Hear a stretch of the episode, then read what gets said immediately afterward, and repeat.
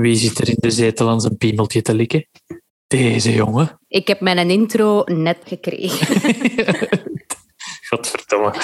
Het gaat om Poncho de Hond. Dit is een podcast op wetenschap gericht. Wij zijn zelden van onwaarheden beticht. En wij zijn nog nooit voor corruptie gezwicht. Dit is het Nerdland. Maandoverzicht. Met uw gastheer Lieven Scheire.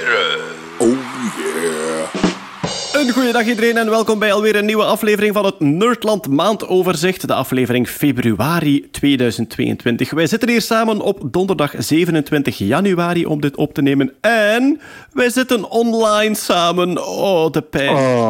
de pijn. Ja, eh, de, Omicron-golf raast door België.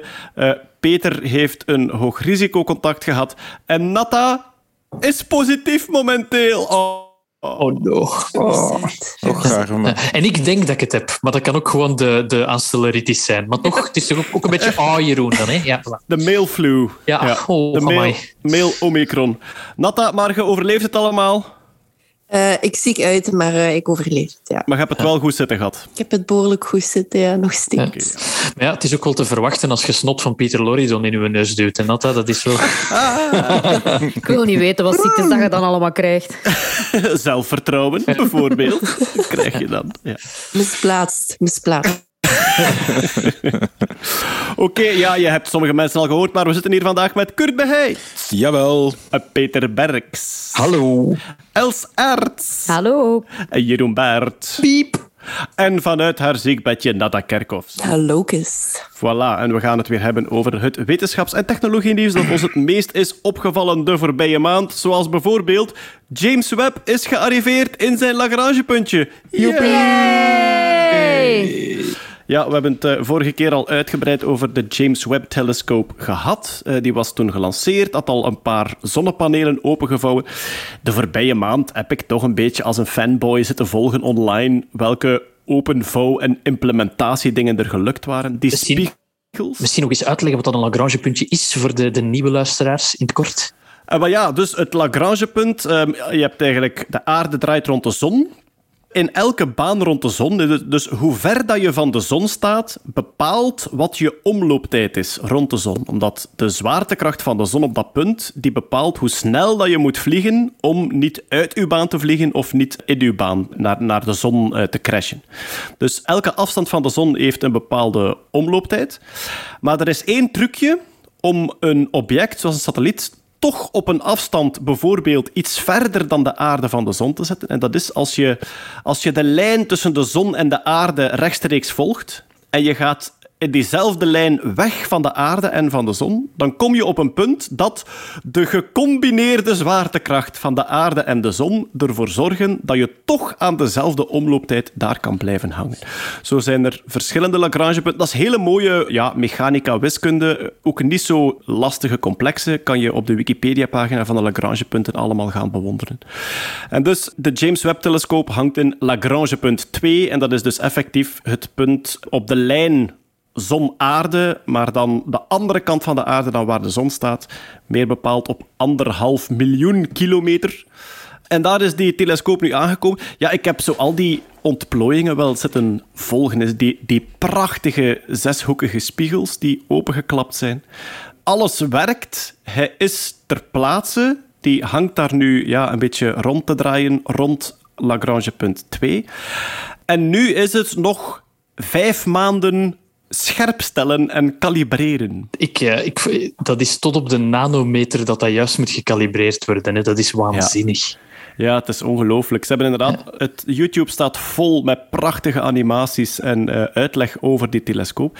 En nu moeten ze dus elk van die zes hoekjes gaan tilten in elke mogelijke richting, maar echt inderdaad per fractie van een millimeter, tot die focus juist is. En dat herhalen ze een paar keer om te zorgen dat alles, alles perfect in focus staat. Op, En de eh, reden, de, de reden dat dat tot op de millimeter juist moet zijn, is ook omdat je radiogolven wilt gaan opvangen van een golflengte die vaak kleiner is dan een millimeter, of zeg ik dat verkeerd? Wacht, zijn radiogolven zijn redelijk lang, Lang. normaal gezien, maar ja. Ja. ik weet het niet. Ik zou... De precisie. Het, ja, het heeft te maken met de precisie. precisie heeft vooral te maken, heb ik gelezen, met het feit dat ze heel lang naar een bepaald punt moeten kunnen luisteren. Omdat Ah, ja. die een heel zwakke signalen zijn en die spiegelprojectie, het is, eigenlijk meer Ja. dan, het is meer dan satellietspiegelprojectie, want intern gebeurt er nog een keer een spiegelprojectie. Maar dus ze hebben heel veel data van een bepaald punt nodig om daar iets uit te kunnen opmaken. Je dus je moet geen- heel ja. nauwkeurig heel de tijd naar een mini, mini, mini millimeter luisteren in de ruimte. Kijken je, je, eigenlijk. je wilt, je wilt geen ruis creëren door eh, de. Want die, die spiegels die concentreren het signaal op één punt. Je wilt geen ruis creëren doordat die spiegels niet correct afgesteld zijn. Ja, inderdaad. Maar eigenlijk komt het erop neer, je doet een, wat ze dan noemen een photon count. hè. Dus je telt het aantal fotonen dat uit een bepaalde richting komt. Ja, die vallen, ik denk dat dat bij die satelliet ook een soort CCD-blok zal zijn, zoals die in onze digitale camera's zit, maar dan gevoelig voor infrarood eh, hier. En je wilt natuurlijk dat een foton dat uit exact dezelfde richting komt, voor elke spiegel op dezelfde pixel valt. En daarom moet je dat dus inderdaad eh, fracties van een millimeter per keer bijstellen. Het is trouwens, ik denk dat James Webb niet naar radiogolven kijkt, maar naar infrarood. Hè. Dus eigenlijk de golflengte iets langer dan het eh, rode licht. En dat is ook de reden waarom die met goud gecoat is. Goud, ja, eh, is minder gevoelig voor het blauwe licht bijvoorbeeld. Daarom heeft het ook een goudkleur waar niks van blauwkleur in zit. En goud is een van de beste reflectoren van infrarood licht, tot 98% Daarom hebben ze dat gecoat met goud. Die goudlaag is flinterdun. De hele James Webb-telescoop is gecoat met 50 gram goud. Het werd omschreven in een YouTube-filmpje als vijf trouwringen. Vijf gouden trouwringen groot zijn uitgesmeerd over dat oppervlak en die moeten dan gaan focussen. En ik zag een heel mooi, vond ik zelf, poëtisch filmpje. Namelijk, James Webb doet zijn observaties en heeft daar goud voor nodig als reflector. Maar een van de vele taken van de James Webb-telescoop is onderzoeken hoe goud ontstaat in ons universum.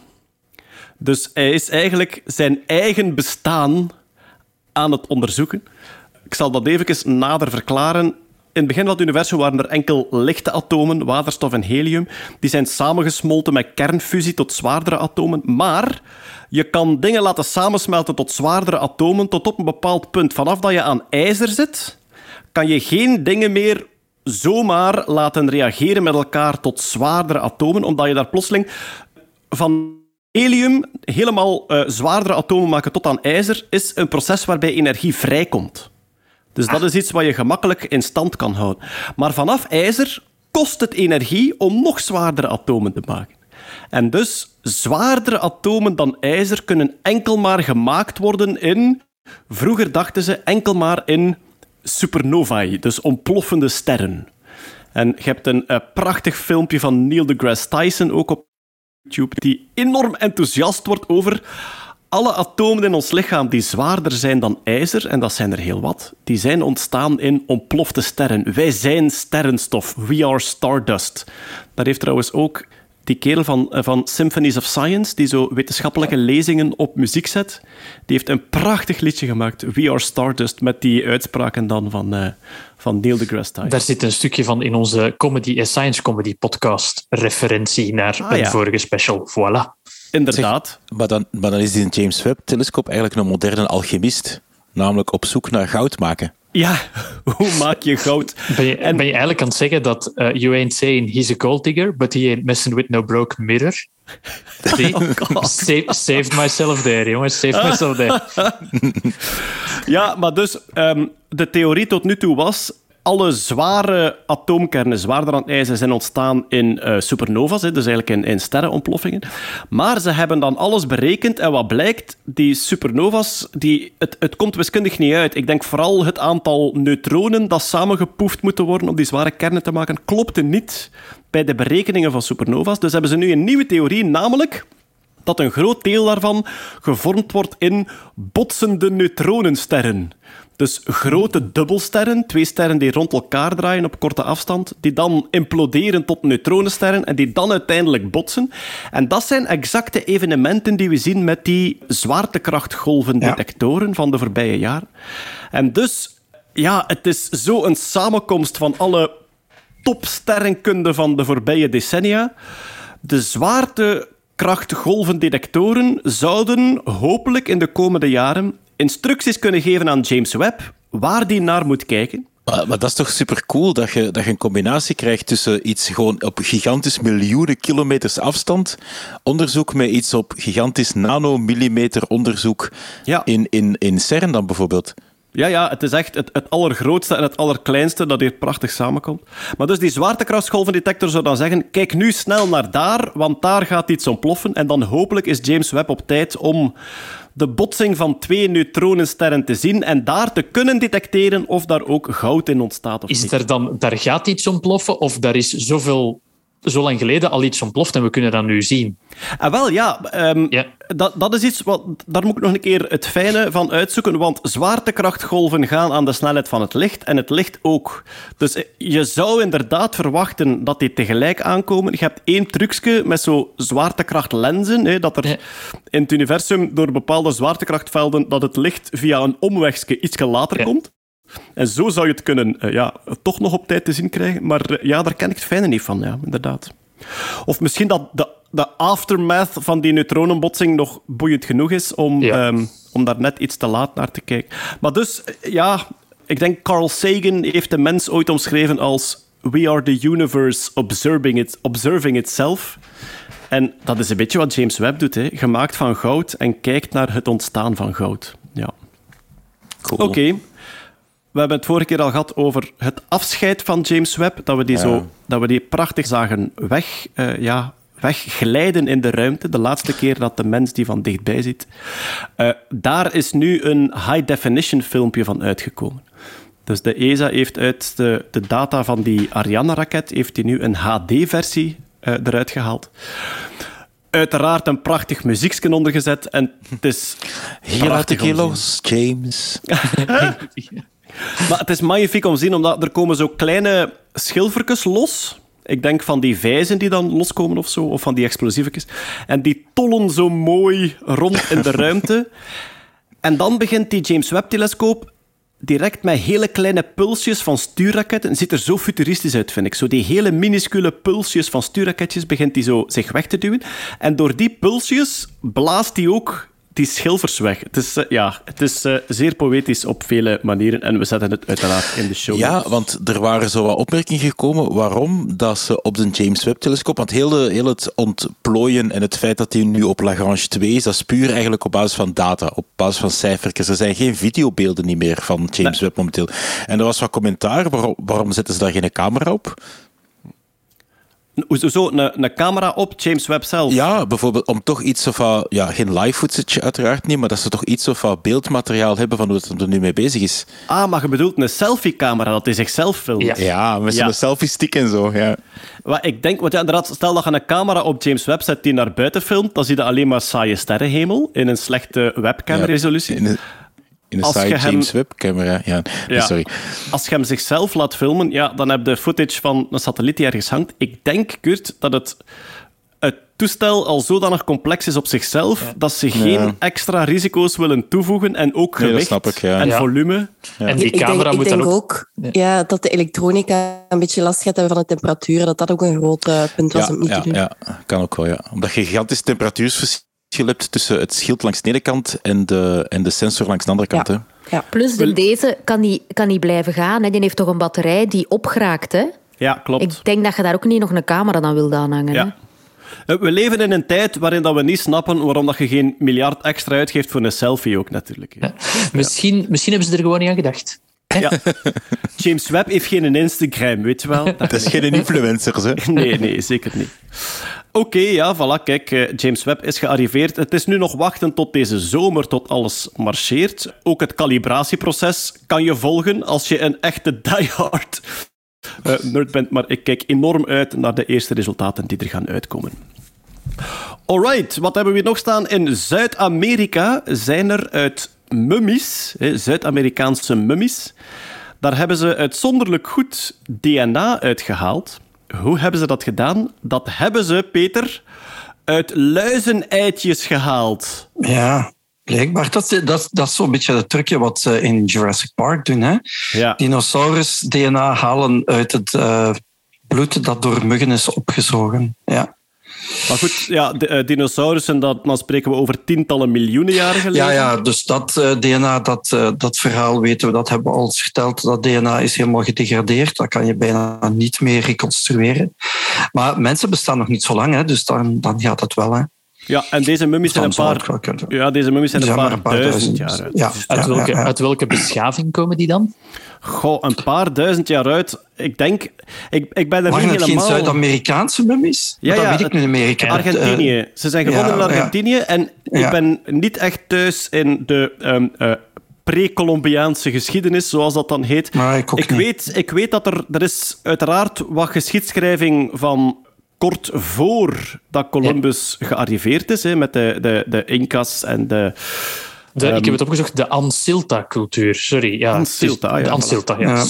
Maar dus sowieso is, ja, pre-Columbiaanse Amerikaanse culturen hebben we heel weinig bronnen van. Dus archeologie is daar enorm belangrijk voor. En dus, ja, ze hebben nu dus dat DNA eruit gehaald. Wat doen ze daarmee? Ze kijken bijvoorbeeld wat de afstamming is van die volkeren. hè. Ze vergelijken Ja. dat met volkeren elders in Zuid-Amerika en ze kunnen eigenlijk migratiestromen, verhuizingen van beschavingen en stammen kunnen ze in kaart brengen daarmee. Het is wel minder cool als een pretpark natuurlijk, zo 2000 jaar oude mummies. Dat spreekt toch minder tot de verbeelding. Maar Jurassic er zijn Park ook geweest. films van, hè? De Mummy, de Mummy en de Mummy Returns. Sorry, ja. ja. Maar dat, dat zijn de Egyptische mummies en die, die hebben beef met elkaar. Dat is een beetje East Ah. Side, West Side. Ja. Wij, wij zijn oudere mummies. En deze zijn even oud ongeveer, denk ik. Ja. Ik denk dat ze jonger zijn, hè, want eh, Egyptische mummies kunnen tot 4.000, 5.000 jaar oud zijn. Hè. Ah, maar niet- deze zijn ook zoiets, denk ik. Zijn nee? ah, ik dacht, ah ja, oké, 2000 dacht ik dat, maar goed, eh, Ah, oké. maakt ja, niet ja, uit. zou kunnen. Eh, wat hebben ze nog gezien? En dat is echt zo eh, CSI Scientist. Ze zagen dat de luizeneitjes dicht bij de hoofdhuid gelegd waren. En daaruit kunnen ze iets afleiden uit de omgevingstemperatuur op het moment van overlijden van de persoon. Oké. Ja, want normaal worden die eieren toch aan de haren eh, vastgekleefd. Hè? Ja, ze worden aan de Dus haren vastgekleefd, Ja, maar, als, maar- blijkbaar als ze vlak tegen de hoofdhuid gekleefd worden, dan is het buiten koud. Ja, Nou, ja. oké, lijkt, lijkt logisch. Hè? Ja. Ja, dat is... eh, En, en het grappige is wel allee, dat eh, elke, elke apensoort of mensapensoort heeft zijn eigen luizen. Hè? Dus wij hebben er in principe drie. Hoofdluizen, klerenluizen, schaamluizen. Maar de gorillas hebben er hun eigen, de chimpansees hebben hun eigen. Dus elke apensoort heeft zijn eigen luizen. kwam, En je de, kunt... kwam de schaamluis... Was de schaamluis geen Ja, ja, dat kan. afsta- Dat over, ja, ja, er- ik denk af- dat dat... gorilla-luis Daar is-? Daar is, een, daar is een overlap. Dat klopt wel. Ja. Het feit, dat wij Maar ons zij- schaamluis, eh, het feit dat wij ons schaamluis van de gorillas krijgen, daar gaan we verder Ja, niet op ingaan. Ja, Nee, nee, ik denk ook niet, best niet in details treden. Maar, maar je kunt bijvoorbeeld wel herkomsten of migratieroutes eh, terugvinden aan de hand van de luizen die ze overal gevonden hebben. Ah, oké. Eh, dus ja. ja. Ah ja, dus niet alleen van het mensen-DNA, maar ook van Nee, de maar ook van de luizen. Ja, ja, ja, ja, Ah, oké. inderdaad.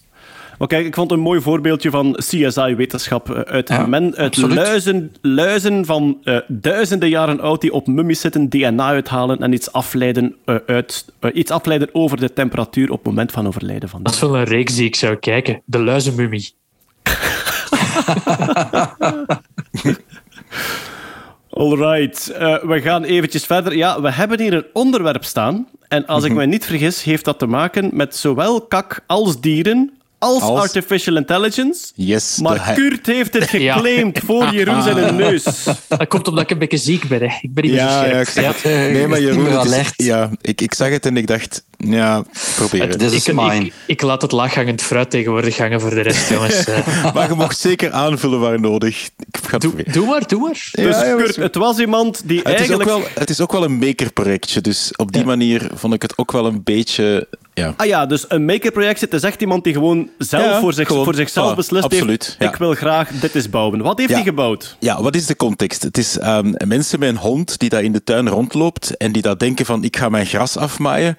Dat is soms gevaarlijk. Namelijk, je laat je een hond los en je weet niet waar het in overal zijn dingetje gedaan heeft. En dat heeft die een maker, eh eh, Calib heet hem, of wacht even, even de juiste naam. Dat heeft die een maker gedaan, Caleb heet hem. En Het is die, een beetje een Russische roulette met hondendrollen in het Ja, gazon. voilà. Ik en kan- iedereen, iedereen die al een nijlpaard heeft zien kakken, die weet wat er kan gebeuren.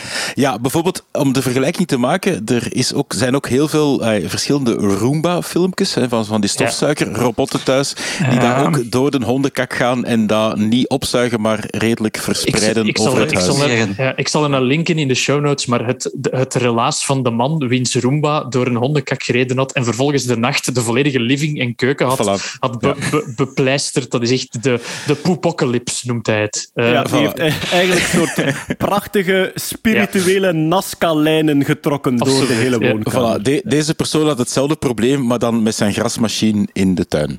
Ja. Ehm, en die dacht, oh, ik heb een security-camera hangen in mijn tuin. Goh, kan ik die niet trainen, hè, via AI en machine learning en zo, dat die eigenlijk ehm, aangeeft waar dat mijn hondje, namelijk Twinkie, ehm, zijn kakka gedaan heeft. Ehm, en dat heeft hij echt geprobeerd. Eerst heeft hij gedacht van, ja, wacht, ik ga gewoon heel veel foto's van hondendrollen in dat machine steken om, dat, om die te trainen dat die eigenlijk hondendrollen kan detecteren. Maar dat werkte niet zo heel goed. Ook omdat bijvoorbeeld die eh, hond nogal heel vaak s'nachts en eh, ja, infraroodbeelden en zo, dat was een beetje lastiger.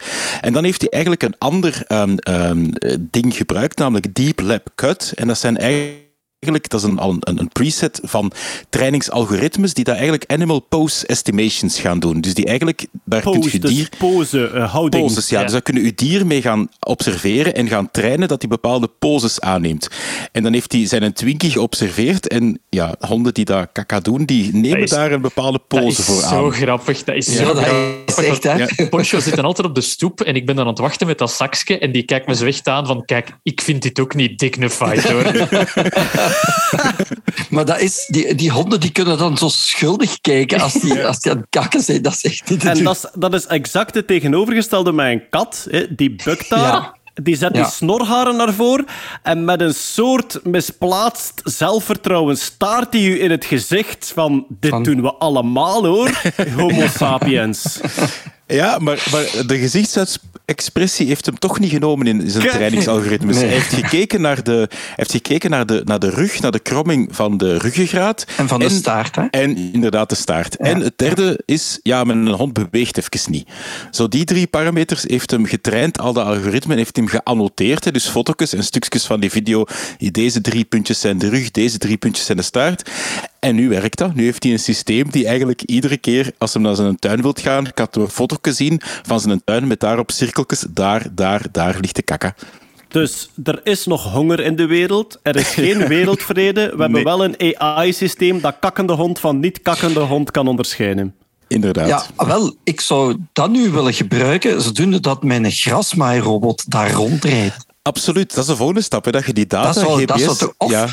Of dat ik nu ergens een stofzuigersysteem voor buiten daarop kan bouwen en dan Ja. die daar naartoe rijdt en gewoon die dingetjes oppikt. Ja. maar er is al een ehm ho- eh, drolschep-robot gebouwd. We hebben die ooit in kan, in, kan, ja, in kan iedereen nog volgen, hebben wij dat ooit eh, gefeatured. Voilà. En dat was een natuurlijk belachelijk groot ding op vier wielen met zo'n schepje onder. En die reed echt rond. Maar die keek dan echt visueel en ook met infrarood, hè, omdat de, de, de, drol een zekere lichaamstemperatuur heeft als die vers is. Die reed echt rond en die detecteerde en die ging dat zo met een schepje dat gaan opheffen. Maar het was wel typisch iets dat veel te groot en lomp en duur was voor wat Ja. het uiteindelijk kon. Ik wil, Dus dat is bouwen, ja, ik wil dat bouwen voor aan de zee te kunnen zien wie dat er in de zee aan het pissen is. Puur op, op, op facial, facial estimation. Ja. Kromme rug, staart omhoog.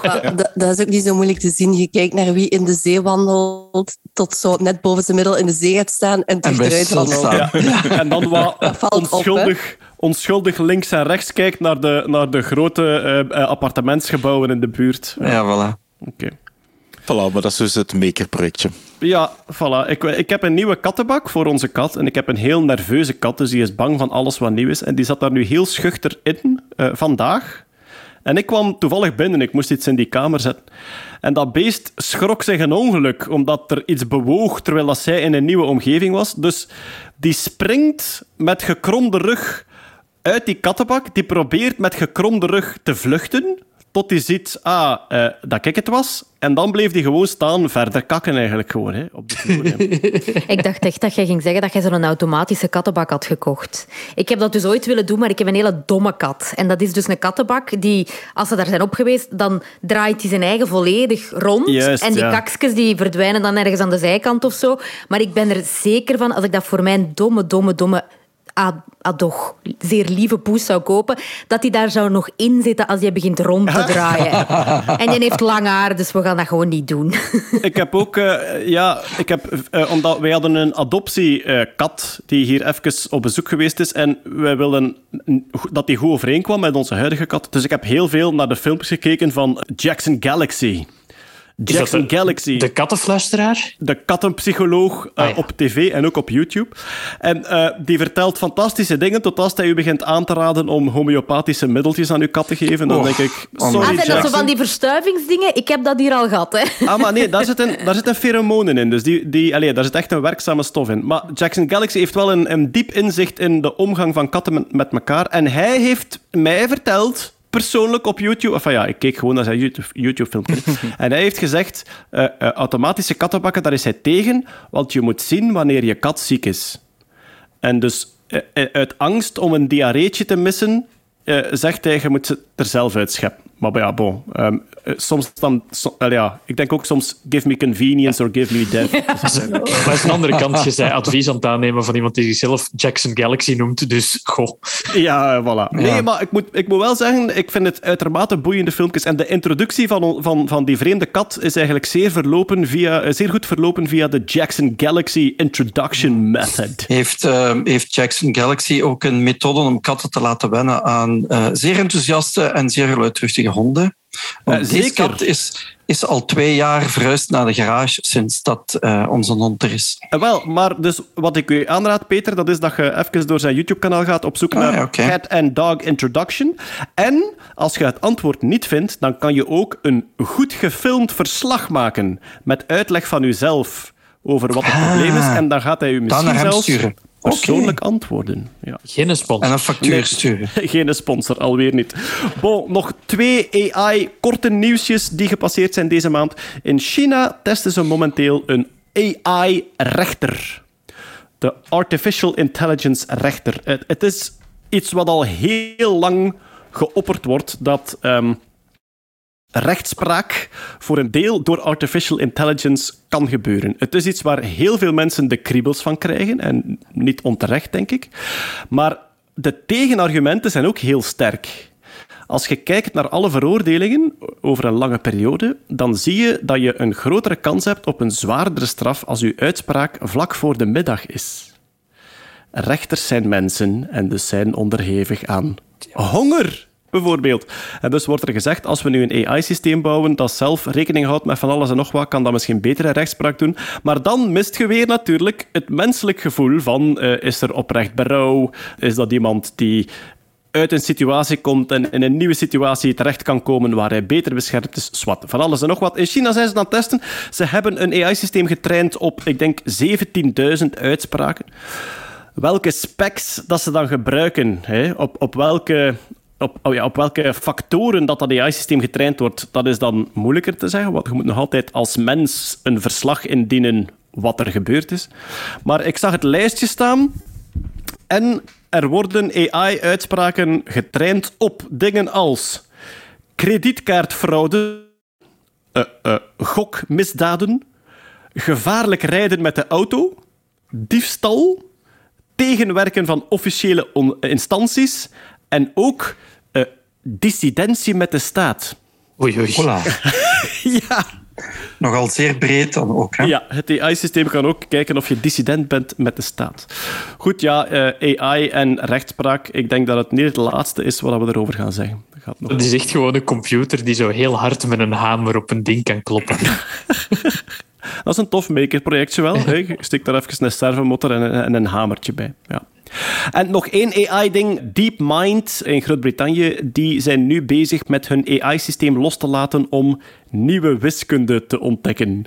En dat is ook een thema dat je steeds vaker hoort bovenkomen. Het, het vermoeden dat AI-systemen echt aan wetenschap gaan doen. Dus dat die echt nieuwe ontdekking gaan doen. En dus hebben nu een AI-systeem losgelaten op de knopentheorie. Knopentheorie komt uit de topologie, een gedeelte van de wiskunde dat zich bezighoudt met ja, tweedimensionale, driedimensionale, als het moet zelfs vier- en hogerdimensionale vlakken, vormen en lichamen. En knopentheorie, ja, eigenlijk komt het wel een beetje neer op een knoop. Hè. Een, een elastiekje is een gewone cirkel. En dan als je daar een knoop in legt, dan heb je ja, een knoop van een hogere orde. Als je daar vier of vijf lusjes in draait, heb je nog een hogere knoop. Daar kun je heel veel wiskunde mee bedrijven. En er zijn nu twee nieuwe stellingen ontworpen en bewezen met de hulp van AI-toestellen. Voor de echte wiskundefans zetten we de link in de show notes. Dan kan je daar gaan kijken wat er precies gebeurd is. Terug naar de echte wereld. Meer bepaald naar ons bedje en ons eigen velletje. Peter, er is een ontdekking, of ja, een, een, ja, Ja. Iets, iets wat eigenlijk logisch klinkt, maar er is wel een boeiende ontdekking over gedaan. Het feit dat onze menselijke huid een eerste afweersysteem bevat tegen de beten van bedwansen. Ja, en dat vond ik een beetje eigenaardig, omdat, omdat ja, die, die, die beesten die, die moeten toch op je vel komen zitten om bloed te kunnen zuigen. Maar die zitten daar niet graag. Dus die willen eigenlijk zo snel mogelijk terug verdwijnen. Dus die komen, je kent bedwansen, dat zijn eh, een soort wansen, die zitten eigenlijk altijd verstopt, meestal in de plinten eh, op je slaapkamer. Maar eens om de zoveel, dus meestal s'nachts komen die uit en dan zuigen die bloed. En, maar wat blijkt, die willen daar zo snel mogelijk eh, terug vertrekken. En dat komt door de vetten die zich op uw huid bevinden. Ja, en ik vond, ik vond dat heel bizar, want, want blijkbaar is de samenstelling van uw huid een afweersysteem. Wel, maar eh, eh, wel, ten eerste misschien over bedwansen. We hebben daar echt horrorverhalen over gehoord. Ja, en, Eh, en die zijn in andere- opmars. Hè. Die zijn al jaren in opmars. Ze zijn een tijd eh, weg geweest. maar in de Verenigde Staten was dat eh, een plaag geworden, vooral in hotels, in grote steden. Dat is nu overge, overgewaaid naar Europa. En Zijn ze, zijn ze zichtbaar met het blote oog? ja, ja, die zijn eh, een paar millimeter groot, hè, dus die kunnen tot een halve centimeter zijn. En ehm, ze, zijn, ze zien er eigenlijk vrij, allee, ik bedoel, ze zijn niet erg opvallend, zo bruin ovaal. En ehm, je, je, kan ze, je kan sporen ervan ontdekken dat als je zo van die zwarte of bruine vlekjes vindt op je matras en zo, dat zijn eigenlijk de keuteltjes die ze achterlaten als ze bloed hebben gezogen. Bloedkak. Bloedkak, ja. Bloedkak in het hotelbed. Ja, ja. Ja, of in het thuisbed als je het mee naar huis pakt. Ja, Ja, dat is waar. ja, ja. dus zo, zo, zo, zo, zo verspreiden ze zich ook. Hè. Dan zitten ze in de bagage en dan, dan heb je ze thuis. Hè. Maar dus, er, er waren echt horrorverhalen uit eh, Amerika, eh, grote steden in Amerika, die zeiden van ja, ons Ja. hotels, eh, ons hotels hebben een bedwansenplaag. Eh hoeveel, hoeveel zijn er al gemeld in België eigenlijk? Ik heb er geen idee van. Maar het is vooral in de grote steden dat ze zitten. Hè. In, eh, maar, maar wat dat de verspreiding exact is, eh, ik heb niet zo een idee. Dat zou ik eens moeten opzoeken. En dus ons vel heeft eigenlijk al wat, ja, heeft, eh, scheidt al wat chemicaliën, biochemie Ja, af ja, om die, ja, om die te pesten. Ja, blijkbaar. Ik, ik, ik was heel verbaasd dat, dat eigenlijk uw eigen huid ehm, de beesten die erop kruipen om bloed te komen zuigen wegjaagt. Dat vond ik, eh, dat vond ik Dus, raar. dus die zitten er allemaal met zo'n blik van ik ben hier ook niet graag, so let's get it over Ja, maar dat is, Ja. dat is echt zo'n, eh, volgens mij dan zo'n hit and run. Hè. Dat is zo gauw even naar, naar, eh, naar u toe lopen, bloed zuigen en dan zo snel mogelijk weg. Want het, het stinkt hier of dat, dat smaakt vies. Ik weet het niet wat, eh, wat het is. Maar Eh, Wel, Peter, het feit dat onze huid deel uitmaakt van ons immuunsysteem, dat wist ik gewoon Ja, ja, al. Ik Maar- wist dat al dagenlang. Want ik heb, dat, ik heb dat letterlijk een paar dagen geleden gelezen in het boek eh, Immune van Philip Detmer. Philip Detmer is ehm, de, van het YouTube-kanaal Kurz Gezaagd, of eh, In a Nutshell.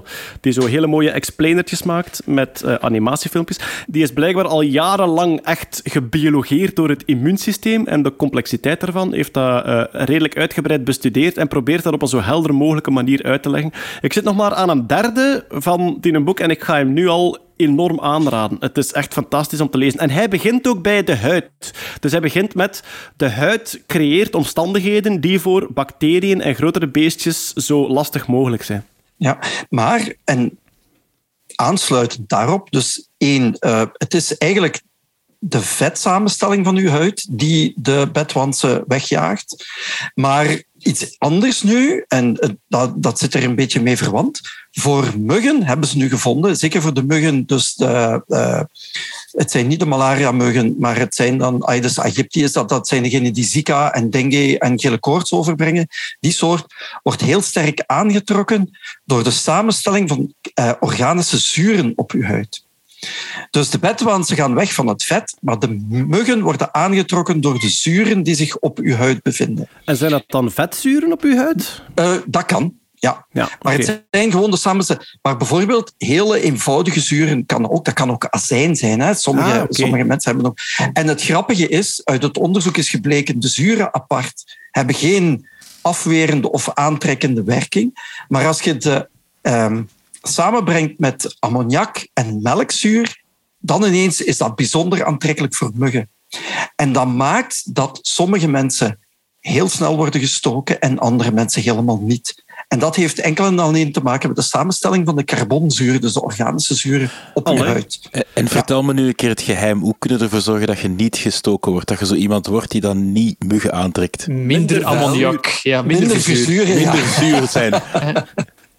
Ja, ja, blijkbaar. Nu zijn ze aan het kijken of ze dat niet kunnen gebruiken om, uh, om dus meer, uh, hoe zal ik zeggen, huidvriendelijke uh, afweermiddelen tegen muggen, dus muggenmelk te maken. Ja.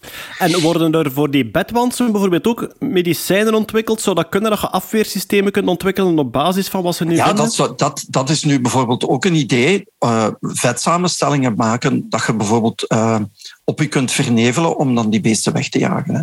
Dat is een, een, een mogelijkheid. Want op dit moment, een bedwandsplaag in je huis dat is gewoon heel de, dat is zo eh, twee weken op hotel gaan en heel de boel laten kapot spuiten. Hè. Ja, en, en uw matras vervangen en alles. Hè. Alles ja, ja, ja, moet ja, weg, ja, weg, ja, weg, weg. Ja, alles moet weg. Het klinkt alsof je ervaring hebt, Els. Ah, wel, uh, ik heb uh, ongeveer tien jaar in een sportvereniging gezeten waarmee dat we heel veel verbleven in jeugdherbergen. En laat ons zeggen dat er meerdere mensen van mijn team al een keer bedwansen mee naar huis hebben gepakt. Allee. Ja, ja. Damn. Ja, iedereen wil dan een keer iets mee naar huis pakken van de sportwedstrijd, maar geen, geen zespotige natuurlijk. nee, dat is, best niet, denk dat is het belangrijkste. Ik vroeg mij af, bij uh, een slak kan niet over uh, koper kruipen, bijvoorbeeld. Ja, dus een van de trucken is, we leggen daar een koperlaag rond de, de ja. groentekes. Zouden zo uw, uw bed kader van iets kunnen voorzien waar dat insecten niet over kunnen. Maar ja, ah, ja, dan moet je met die paraffineolie waar dat insecten niet aan kunnen hechten. ja, wat, wat bijvoorbeeld in, uh, in Afrika werd gedaan tegen uh, uh, army ants, dus tegen die trekmieren. Hè. Dus dat zijn die grote kolonnes die dan zo um, alles, alles verslinden wat ze tegenkomen. Um, daar werden bijvoorbeeld de, de meubels of de, de bedden dan in potten met petroleum gezet. Dus bed van, bed van de muur af en, en uh, al de vier poten in een pot paraffineolie of in petroleum. Ja. Daar kunnen die meer, als je het water, eh, water helpt niet, want daar kunnen ze op drijven, dan maken ze, uh, dan maken ze vlot en dan kruipen ze toch in dingen. Dus je moet zoiets hebben wat een heel lage oppervlaktespanning heeft, dus benzine, petrol. Maar speci specifiek water met zeep, hè? Met, ja. met afwasmiddel, ja. Natuurlijk, als je het in petroleum zet, gaat de evolutie ervoor zorgen dat er opeens een, een kolonne bedwansen met, uh, met mobiletjes over je lichaam begint te crossen. Ja, ja, ja, ja. Zeg maar, die, die bedwansen kunnen niet tegen menselijke huid, dus uw verdediging zou een bed van huid zijn. Dat klinkt nu echt als het, nieuwe boek van Peter Verhelst of zo. Een bed van huid van Peter Verhelst. Je moet wel een vette, een vette huid dan, hè? Het is eigenlijk een, een bed van mijn huid. There's silence of the lambs opeens. Right? It puts the lotion on the skin. Ja, oké. Oh ja, ja, ja. Een bed van vettig vel. Ja. Autobiografie van Jeff Hoeibergs. En, en dan En dan uh, ook nog uh, ontdaan van elk orgaan is zuur, want anders dan komen de muggen nog op je af ook nog. Oké, okay, ja. Wel, wel, kijk, maar goed, ja, dus uh, ons, ons vel helpt ons alvast met de eerste verdedigingslinie ja. tegen de bedwantsen. Dat gaan we onthouden. Naar de elektronica. We hebben het al een paar keer gehad over het chiptekort, hè, dat, dat u wel al lang aansleept en dat uh, veel gevolgen heeft. We hebben het al gehad over auto-industrie, uh, lijnen, productielijnen van de auto's die stilgelegd werden, enkel en alleen omdat er chips tekort was. Ook bij de print cartridges, want Jeroen, in onze cartridge, dus niet alleen in de printer, maar ook in de cartridge zit tegenwoordig een chip die onder andere moet helpen om te zorgen dat we geen uh, goedkopere kopieën gebruiken. Ja, het bedrijf uh, Canon uh, heeft moeite met chips te vinden voor in zijn officiële cartridges, waardoor dat de cartridges die je bij Canon koopt, kunnen door de software die op je computer draait herkend worden als zijnde hey, dit is geen echte Canon cartridge. Je bent toch geen goedkope illegale cartridges gaan kopen? En dan komt er een groot waarschuwingsscherm op je, op je computer dat zegt van ja, ja, je gaat hier alleen maar problemen mee hebben. Je kunt het inktniveau niet monitoren. Dat is alleen maar vodden met die, met die goedkope alternatieven kaartjes kopen in van Canon. En Canon heeft nu zelf naar zijn gebruikers moeten sturen.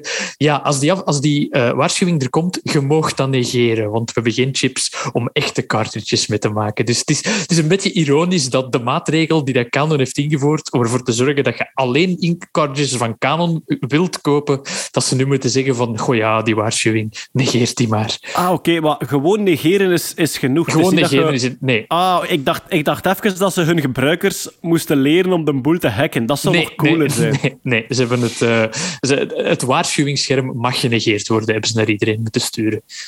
Oké, okay. maar mij zeg, ik heb nog nooit een waarschuwingsscherm genegeerd. Nee, maar, maar als, nee. ik het, als ik het goed begrijp, dus zelfs als je nu Canon cartridges gebruikt, ja. ga je een waarschuwing krijgen. Klopt, omdat zij ook okay. chips moeten gebruiken die dan niet aan, aan de, de voorwaarden ja, ja, voldoen om die verified te maken. Dus ja, dan, dan heb dus je, nu... kunt ook niet, je kunt niet in die waarschuwing ergens aanklikken van ja, maar ik heb wel degelijk de nee. echte. Nee. Oké. Okay. Zeg, en, en, kunnen ze dan niet gewoon die waarschuwingen uitzetten bij een volgende ja. update? Alleen dan niet dat gewoon... Zou ik, dat is, ja, het, je wilt natuurlijk mensen nog altijd wel nudgen naar dit. Dus ja, ik weet het niet. Uh... Maar ja, maar je mag ze niet negeren als het een echte goedkoper ja. is. Hè? Ja, ja. Maar ja. Als het een moet... chip is, dezelfde als die ze nu zelf gebruiken, maar toch van een ander, moet het toch niet doen. Dat zou cool zijn dat dat in de gebruiksvoorwaarden staat. Enkel negeren bij officiële Canon-producten. Dat is echt, dat is echt een, een, een pet peeve van mij. Zo van die mensen die waarschuwingsvensters vastpakken en helemaal naar de zijkant van hun scherm slepen om zo die buiten beeld te krijgen. Want als ik dan opgeroepen word van wat is er mis aan de computer, is er een foutmelding, dan moet ik zo drie pixels die tegen de zijkant van het scherm plakken identificeren als einde van ah ja, daar staat het in. Oh ja, ik had dat weggesleept. Nice oh, to man. meet you. Liegenschheid van te krijgen. Ja. Ik... Kijk, Ik heb, my eh, people, dat is al dat ik kan zeggen. It's my people. Ik heb nu sinds een jaar zo een printer waar je geen cartridge moet indoen, maar waar je inkt moet bijvullen uit een flesje. En ik dacht bij mezelf, ik geef het een kans, maar ik dacht bij mezelf, dit is gewoon de volgende scam van de inktverkopersmafia en de boel gaat hier blokkeren. En Wij hebben die printer letterlijk vorige week gekocht. Eh, Wel, maar ik ben, ik ben nu een jaar ver. En goed, een jaar is enerzijds niet lang en anderzijds in elektronica toch al een stevige tijd. Ik ben eigenlijk heel content. Ik ga geen merken noemen, hè. dat is ook niet nodig. Maar Geen sponsor. Ja. De, Ja, ik de ben online eigenlijk- winkel heeft mij beloofd dat wij met die tankjes die erbij zaten, dat we daar drie jaar mee toekomen. Eh, Mogelijk. wel, maar ik, ik kom nu al een jaar eigenlijk ruim toe. Ehm, Kunnen die Iemand ook mijn- met andere dingen? Zo chocolade of zo? Of, of bloed? Oh, Nee, ja, maar ik of heb wel bloed. al een keer gepijst dat ik zo wil die kleuren een keer, een keer mengen of wisselen. Of... oh, dat zou wel cool zijn maar- dat je kleuren in het verkeerde steekt. Maar serieus, de prijs van bloed is lager dan de prijs van inkt eigenlijk. Hè. Inkt is Wat? duurder per liter dan bloed. Waar koopte jij bloedkurtbeheid? In welk park? Bij, bij het Rode Kruis. En waar heb ik dat nodig, s'nachts. Bes- besmet bloed om in je neus te smeren. Ook. Het HIV-vaccin van Kurt Beheid. Eh, ehm, eh, eh, ja, iemand in mijn familie die had nu een soort ehm, subscription op printerdingen gekocht. En dan moesten ze maandelijks betalen om 150 bladzijden te mogen printen. Maar dan stuurde zij alle cartridges op als je ze nodig had of zo. Ja. Dat is speciaal, oké, ja. Ja, Ja. dat is echt zo'n service die aangeboden werd van kijk, je betaalt ons voor zoveel bladzijden per maand en je moet niet betalen voor je printer en niet betalen voor je cartridges. Wij leveren dat vanaf dat je dat nodig hebt. Maar ja, zo typisch Ja. recurring income, hè, zo een beetje de, de, de, de fetish van alle start-ups tegenwoordig. Recurring income en abonnementsgeld en zo. Dus ja, printmiserie as a service, dat was het. Oké. Ja, dat wilde niet voor hebben. Als, je echt, als het kritisch is en je moet iets printen, dat je nog moet wachten op B-post om, om je Ja, te en- brengen. Ja, dat klinkt vooral als iemand die investeerders nodig heeft en kan zeggen, kijk hoe wat hebben we ervoor staan. We hebben recurring Ja, income. voilà. En, en dan zit dat toch aan het printen en dan zegt je computer can't find printer. En dan zeg je tegen je computer, daar staat hem, daar. Maar kijk, en zo omdraaien met zijn schermpje. Zo, kijk, kijk dan. En waarschijnlijk de volgende stap is van eh, elk printcommando op de blockchain te zetten of zo. En dat- ja, dat weten we wel. Oké, wat hebben we hier? eh, Over printers gesproken. Sorry, ik had in de week een grappig verhaal gelezen bij Festhole. Dat is zo'n Twitter-account daar waar dat je confessions kunt opsturen. En iemand had gezegd van ja, er was een printer bij ons in de buurt die niet beveiligd was. En ik heb daar een jaar piemels op zitten afdrukken, gewoon omdat ik dat grappig vond. En ik heb pas recentelijk ontdekt dat die in het funerarium stond. Ik vind ook, eh, ja, eh, ik vind ook de letter D in piemels op afdrukken vrij cruciaal. Ja, die daar ja. We hebben nog, eh, nog één nieuwsje over ja, eh, eh, eigenlijk een beetje de consumer side of electronic. Het gaat over adblocker. Ja, adblockers is typisch zo software die ervoor zorgt dat de, de, reclames die op websites getoond worden en zo weggefilterd worden. Ehm, en uiteraard, Kurt, proberen de mensen die via reclame hun geld verdienen, zoals krantenwebsites, die proberen alles te doen om die adblockers weg te krijgen en te bannen. Als ik me niet vergis, was er een krant die ze had aangeklaagd voor auteursrechten schending. Ja, het is eh, Axel Springer is een uitgever die onder andere Bild en zo in zijn bezit heeft en nog andere tijdschriften en kranten. En die, ehm, ja, die zei van, ja, wij halen onze reclameinkomsten uit ads. Dus als mensen die blokken, dan hebben wij minder inkomsten en zo. Dus die dacht, ik ga dat een keer aanvechten. Maar, spoiler, ehm, Adblocker heeft, eh, Adblock Plus in dit geval heeft gewonnen. Om de simpele reden dat, ja, wat dat iemand...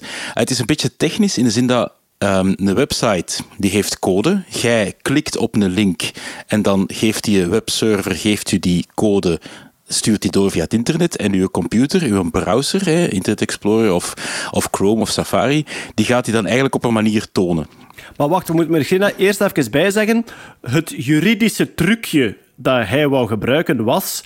Wij bieden onze eh, eh, pagina's aan op een bepaalde manier. Ja. En als iemand iets verandert aan de manier waarop dat wij onze pagina tonen, hebben die Ja. eigenlijk met onze copyright beschermde inhoud geklooid. Dus hij wou, Ja, het wou- feit dat er advertenties verschenen, wou hij auteursrechtelijk beschermen. En iedere, iedere persoon die ooit een website gemaakt heeft, en zeker momenteel met alle mobile devices, dat je eigenlijk websites op honderden verschillende manieren, op honderden verschillende browserresoluties, hè, de grootte van je scherm, wil tonen, die gaat dat beamen. Je kunt dat niet. Je bent eigenlijk altijd een webpagina aan het aanpassen via CSS, via JavaScript als het echt moet, om ervoor te zorgen dat, dat, de inhoud op een zo goed mogelijke manier, in het beste geval, getoond wordt op elk mogelijk device. Dat doet uw browser, dat doet uw CSS en zo. Maar ehm, je kunt in uw browser ook plugins installeren. En wat doen plugins op dat vlak? Die gaan eigenlijk tussen het moment dat die code van de server komt, de HTML-code, de CSS-code, en het moment dat uw browser die code vertaalt in oké, hier komt tekst, hier komt een tekening, deze kleurtjes en zo van die toestanden, die gaat daarin ingrijpen om bepaalde stukken uit die code eruit te knippen. Letterlijk. En dat doen adblockers eigenlijk. Adblockers gaan bepaalde stukken code, die dat dan advertenties gaan tonen in uw webpagina, die gaan er ertussen uitknippen. Maar dat gebeurt alleen maar op uw computer.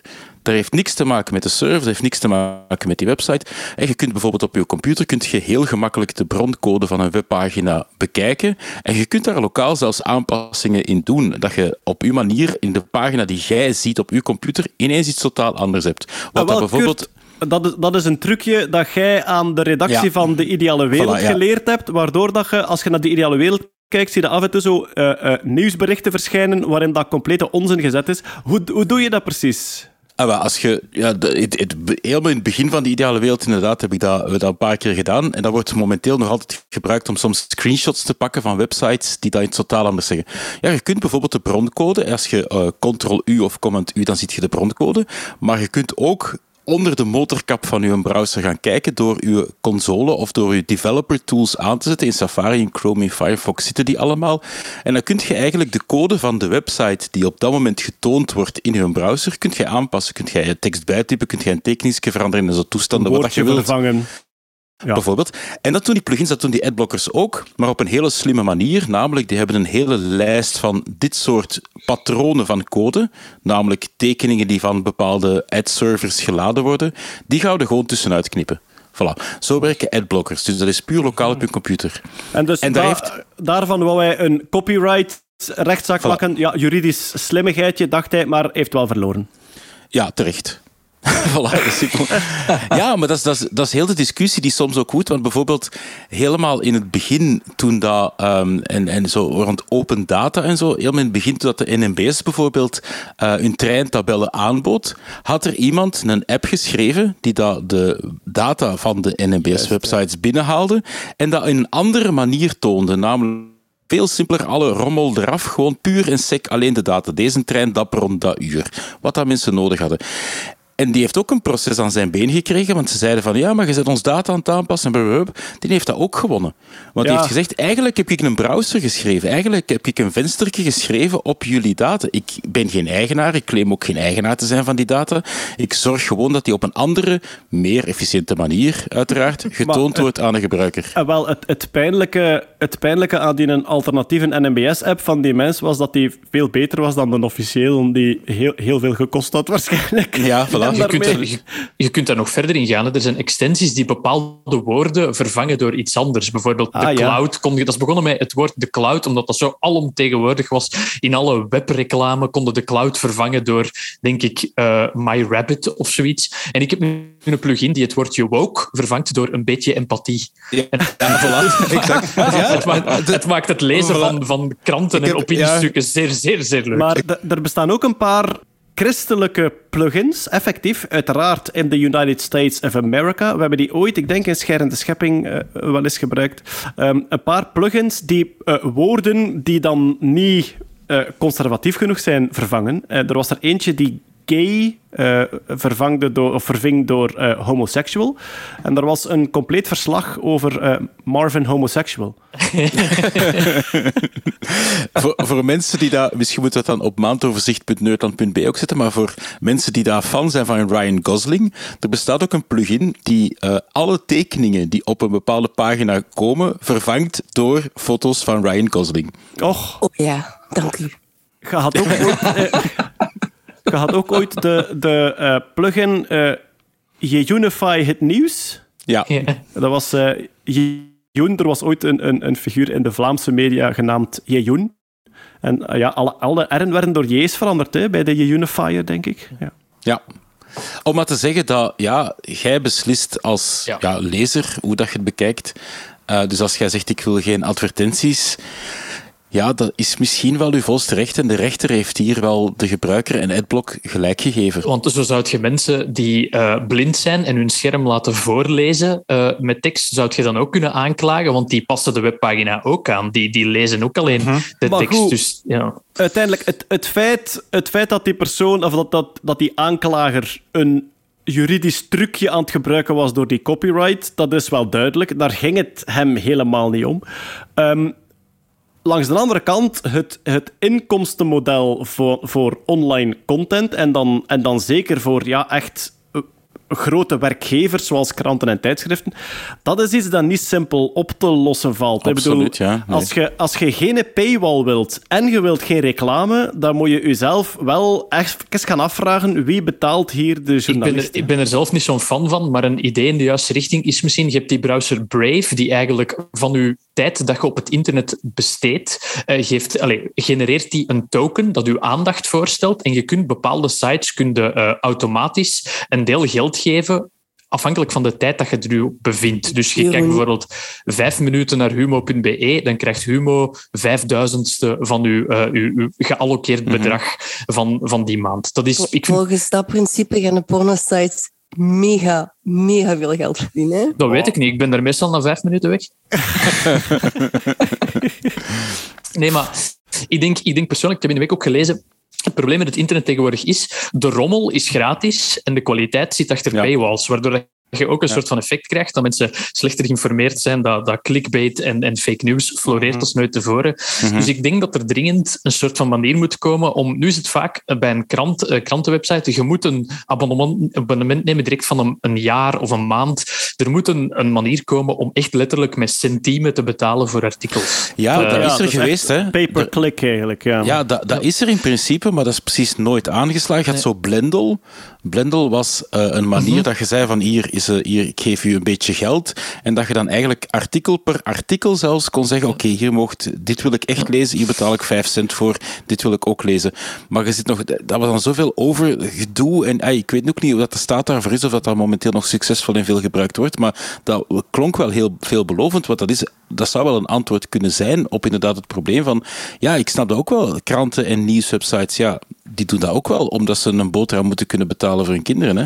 Oké, maar kijk, we, we kwamen van een kleine veldslag, namelijk een eh, aanvechting op basis van copyright om adblocker, eh, software die de advertenties wegfiltert, te verbieden. Die was verloren en we zijn geëindigd op een beetje het grote overkoepelende probleem van... Wat dat wij hoe- niet gaan oplossen natuurlijk. Nee, maar ja. inderdaad. Maar, maar hoe, hoe kan de persoon die de kwalitatieve nieuwsverspreiding maakt ook nog betaald worden zonder dat wij ofwel een paywall... Ja, enfin, eigenlijk stel ik een dwaze vraag. Het is of een paywall of reclame, of je moet iets totaal anders verzinnen dat er nu nog niet is. Ja. Oké, dan zijn we nu zowaar aanbeland bij...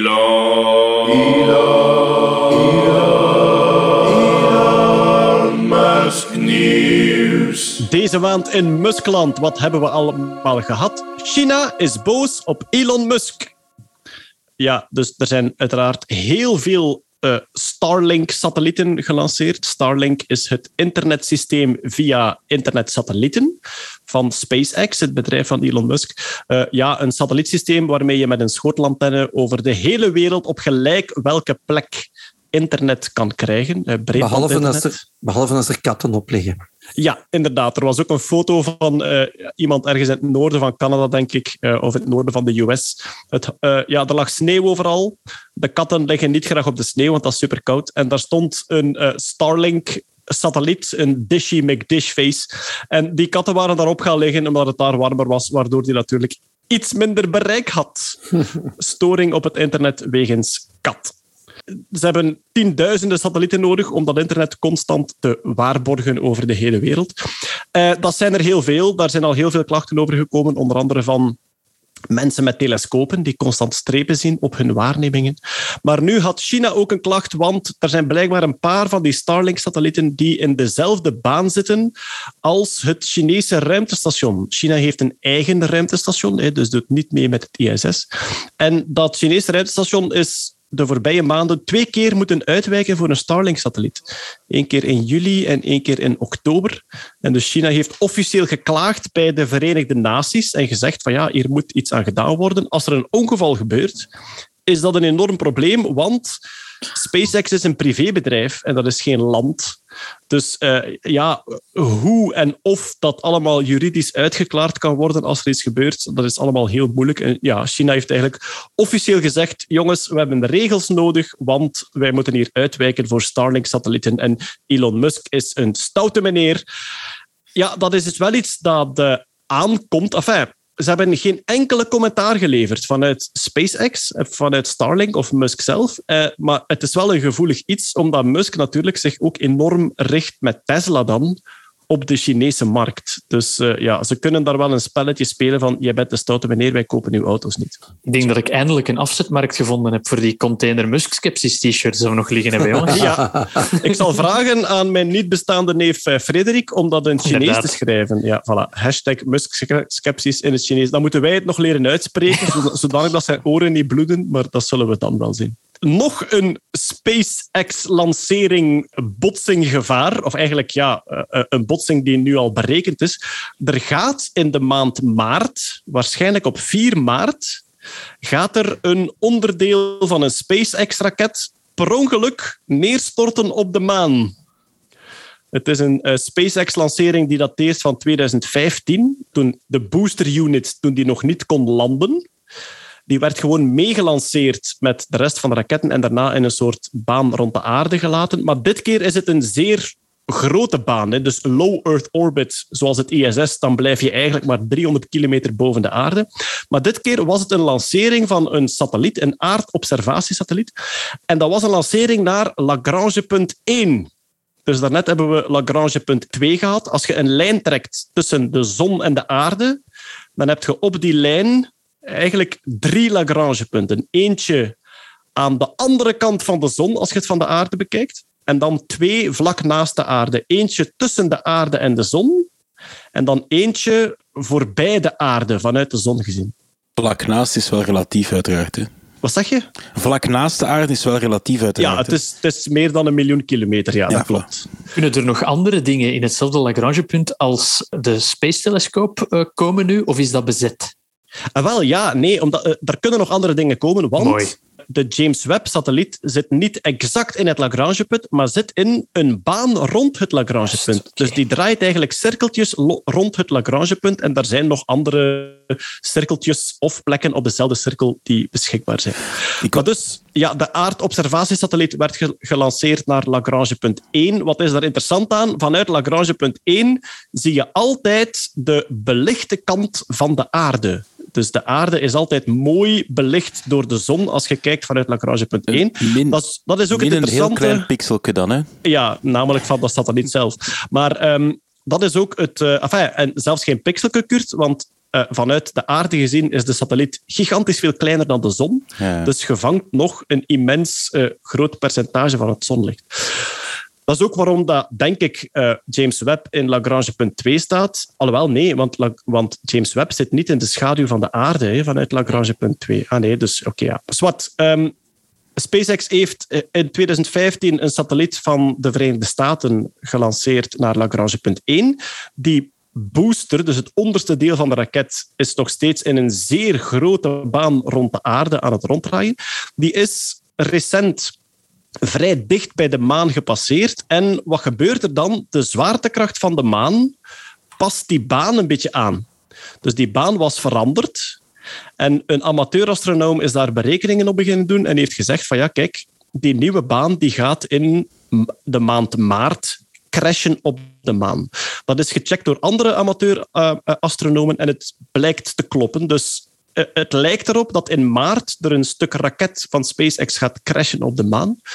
Ehm, dat heeft vele eh, tegenstrijdige emoties losgemaakt. Sommige mensen zeggen, waar zijn we mee bezig? Hè? Dat we zoveel rommel in de ruimte schieten dat het zelfs op de maan terechtkomt. Anderen zeggen, dit is waarschijnlijk eerder al gebeurd. Hè? De, de boosterraketten van vorige missies, sinds de jaren 60 tot nu, daarvan zijn er een paar waarvan ze de baan niet meer terugvinden. Dus die mogelijk al gecrashed zijn op de maan.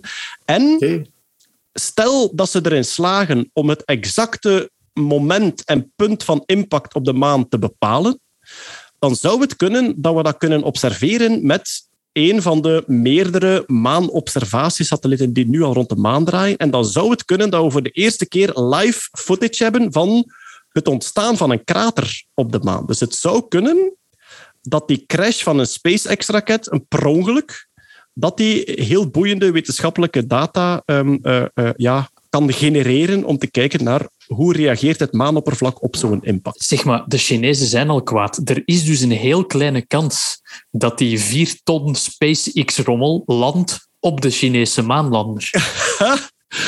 Dat zou een mooi diplomatiek relletje zijn. Ja. Shang, Shang E4. Dat, Ja. dat zou, eh, ja. Chang'e, denk ik. Chang'e, sorry, ja, ja. Mijn, eh, Frederik moet maar een kwaaie mail sturen, maar ik denk dat Chang'e is. Ja. Is er, maar eh, ik vind dat wel straf dat ey, er zijn ik weet niet veel SpaceX, om het vorige item erbij te pakken, er zijn toch ik weet niet veel SpaceX Starlink-satellieten. dat ze al die banen weten en dat eigenlijk het Chinees ruimtestation dan kan perfect voorspellen. Is dat, kun je dat ergens volgen? Is dat gelijk zodat je de, de vliegtuigen op aarde allemaal kunt tracken in een app? Kun je, is er een app waarbij dat je al die satellieten en al die Ja. hemel en al die satellieten kunt tracken ook? Er is satellitemap.space. Eh, daar kun je alle Starlink-satellieten, daar kun je basically alles dat rond de aarde draait op trekken, blijkbaar. Dat is een zeer ook- leuke interactieve website. Ah, Je hebt ook een hele goede website, Heavens Above. En Heavens Above trekt ook enorm veel satellieten. Ehm, ook als je daar een account op aanmaakt, dan ehm, kun je daar je specifieke locatie op aarde op ingeven. En dan kun je ook eh, vragen wanneer zijn er satellieten zichtbaar van waar ik sta. Ah, ja. Dus dan krijg je een heel verslag van alle lichtpuntjes die s'avonds laat en s morgens vroeg eh, passeren op de plek waar je zit. En dus ik denk op Heavens Above dat je ook wel van heel veel Starlink-satellieten de baan gaat hebben. Nu, ehm, blijkbaar, het Chinese ruimtestation hangt op 390 kilometer hoog. Alweer, hè, eh, low Earth orbit is echt niet ver. Hè, 390 kilometer hoog. Ik denk dat dat van hier tot Parijs is ongeveer. ben net met de site aan het kijken, GPS-satellieten die hangen veel hoger. Ja, Eh, dat zou kunnen. Valt mij, valt mij op. Die hangen op 1000, eh, 19.000 kilometer. Ah, wel, op zich, ja. hoe hoger dat je hangt, hoe groter het gebied van de aarde dat, je kunt bereiken. Ja. Ja, ja. Dat zou wel een groot voordeel zijn. Natuurlijk, voor breedband internet wil je dichtbij hangen, omdat je heel veel bandbreedte wilt kunnen Ja. overbrengen. Ehm, ehm, maar dus, ja, die Chinese, eh, het Chinese ruimtestation hangt op 390 kilometer hoog. En de Starlink-satellieten die draaien dan blijkbaar op 382 kilometer hoog. Ik zal eens een willekeurige Starlink-satelliet aanklikken en het u vertellen. Ze. Voilà, Starlink 1660 op Ah, 500, die. 547 kilometer. Ah, wel, oké, maar dus die die in de baan zitten van het Chinese ruimtestation zitten eh 8 kilometer lager. Maar is- 8 kilometer zit ruim binnen de foutenmarge om onrustwekkend te zijn. Dus het Chinese ruimtestation heeft effectief raketten moeten aansteken om Starlink-satellieten te ontwijken. En daar zijn ze boos over. Eh, goed, ja, die SpaceX-raket die op de maan landt, het is echt wel een eh, zeer belangrijke discussie aan het worden. Wat doen we met alle ruimterommel die rond de aarde draait? En we hebben het er de vorige keer ook over gehad met ehm, de Russen die een satelliet aan frieten geschoten hadden en al de rommel die daardoor plotseling beginnen ronddraaien was. Het wordt overbevolkt. En als we het niet gaan reguleren, dan is het een accident waiting to happen. Oké, maar kijk, misschien op 4 maart eh, zal er een stuk eh, raketbooster van SpaceX crashen op de maan. Verder in Muskland eh, is op bezoek geweest bij Lex Friedman. Lex Friedman is een Russisch-Amerikaanse AI-onderzoeker die ook een heel populaire podcast heeft en ook een geweldig boeiende podcast. Musk was daar op bezoek. Het was de derde keer dat hij bij hem in de podcast zat. Ik heb er naar geluisterd. Het is boeiend. Het is heel boeiend. Eh, hij praat over de engineering van SpaceX en eh, van Tesla Full Self-Driving. En hij doet uiteraard een paar Muskiaanse uitspraken. Eh, Friedman vraagt wanneer staat de eerste mens op Mars? En eh, Musk zegt na lang nadenken, hopelijk binnen vijf jaar, ten laatste binnen tien jaar. Het zal wel knap zijn als we binnen vijf jaar terug op de maan staan, denk ik. Ja, voilà. Maar goed, de, de, eerste, de eerste missie rond de maan hè, met de Starship, die staat eigenlijk gepland voor 2023. hè. Dus zonder te landen rond de maan vliegen. Maar goed, dat zullen we dan nog zien. Ehm, de, de eerste landing op de maan, ik denk 2026 of zo, dat die dan eh, in optimistische omstandigheden gepland staat. Maar dus, dat was zijn uitspraak over Mars. Over Tesla Full Self-Driving, wat dus eigenlijk wil zeggen, ik stap in de auto en ik moet niks meer doen, zei hij, hopelijk volgend jaar.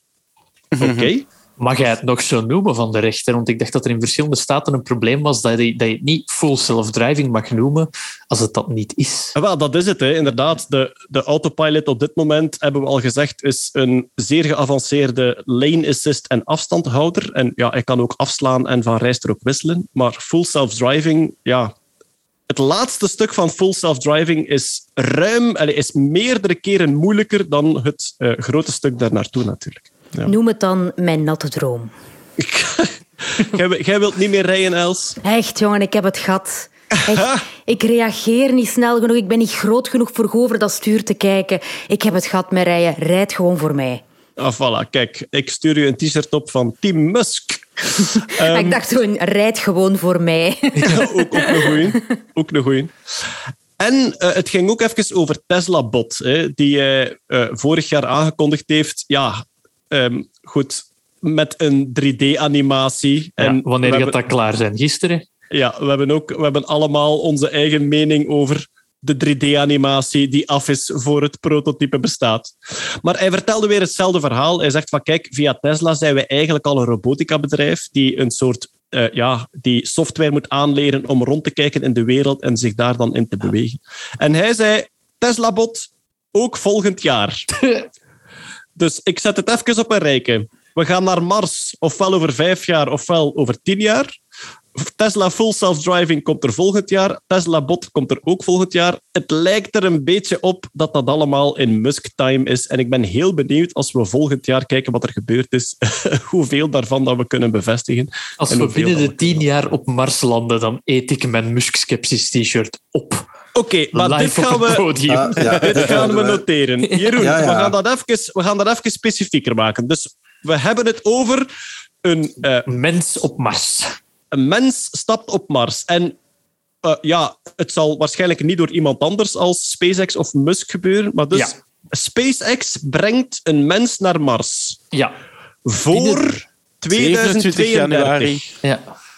27 januari 2032. Dan wissel ik van team. Jeroen wisselt Nee, van nee, nee, team. nee, nee, Gert. Nee, Maar nee. je Maak ook de uw t-shirt op? aftelwebsite. Eet je ook uw t-shirt op, Jeroen? Ik weet niet hoe Ja. veilig dat, dat is. Als dat safe kan, ja, geen probleem. Als het veilig kan, dus we laten een textielverantwoordelijke check. Anders maken we voor u een eetbare t-shirt van Musk Kom, Skepsis. kom, dat is wel Nee, heel nee, nee. sissy, hè. Ah, Eh, nee, nee, Oké, nee. oh, allee. verzin dan iets anders dat ik moet doen. Iets anders. Nee, nee, nee. Ik, wil, ik wil checken of dat die verf niet giftig is, maar zolang Ja, als dat je daar alleen ja, maar nee. wat van opwerpt of zo, eet er gewoon een t-shirt op. Hè. Wat is dat nu? ja. Maar eh, Organisch t-shirt van Jeroen wordt ja, opgegeten. Jeroen Ja. eet zijn t-shirt op.be is nu niet meer beschikbaar. Al ons sponsorgeld, Kurt. Weet je wat dat, dat kost? En wilde daar een speciale saus bij? Of ga je, dan, ga, ga je de problemen, Andaloes. Ik denk, ga je de dat, problemen oplossen als ze zich stellen? ik denk dat de saus dan vooral tranen gaan zijn.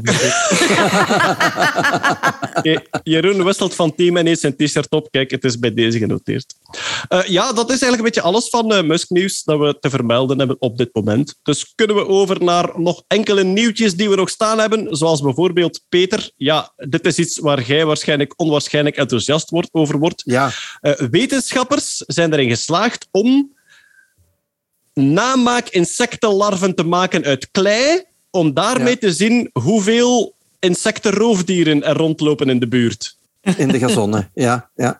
Weet je, ze zeggen... Kijk, uw, uw gazon is een mini-jungle. Dat zeggen we ook als we op safari gaan. Serengeti, ja. Hè, dat is eigenlijk Serengeti in het klein.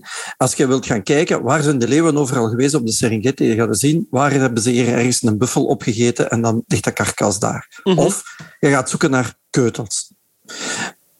Het probleem met bijvoorbeeld eh, insectenpredatoren, dus roofkevers bijvoorbeeld, die in je gazon zitten, die laten geen sporen achter. Die vreten gewoon alles op. En eh, ik heb nog nooit eh, keverkeutels kunnen oprapen uit een gazon. Die zijn veel te klein, dat zie ik niet. Dus wat zeiden die mannen? Dat zijn eh, twee onderzoekers van eh, het departement entomologie. Dus daar komen altijd de zotste dingen van entomologen. Van de Universiteit van Georgia. En die hebben dat gepubliceerd in het Journal of Insect Science. Die dachten van, ja, maar wacht, als we nu eens prooien namaken en we gaan kijken of die worden gebeten, dan kunnen we aan die bijtsporen die daar, die, die achterlaten, zien welke beesten dat daar rondlopen en welke die hebben proberen op te eten. Dus bij, bijtsporen in Ja, ja, plasticine bijtsporen in plasticine, ja, ja, eigenlijk is het dan, ja. En ze hadden twee types gemaakt. Ze hadden rupsachtige, dus eh, wormachtige dingen gemaakt. En dan ook zo ovale, die eigenlijk een beetje lijken op een volwassen kever. En dan van die eh rupsachtige kleine modellen, grote modellen. Wat blijkt? De rupsen waren veel populairder dan de kevers. Wat eh, erop wijst dat de meeste van die roofdieren dus voor zachte prooien gaan.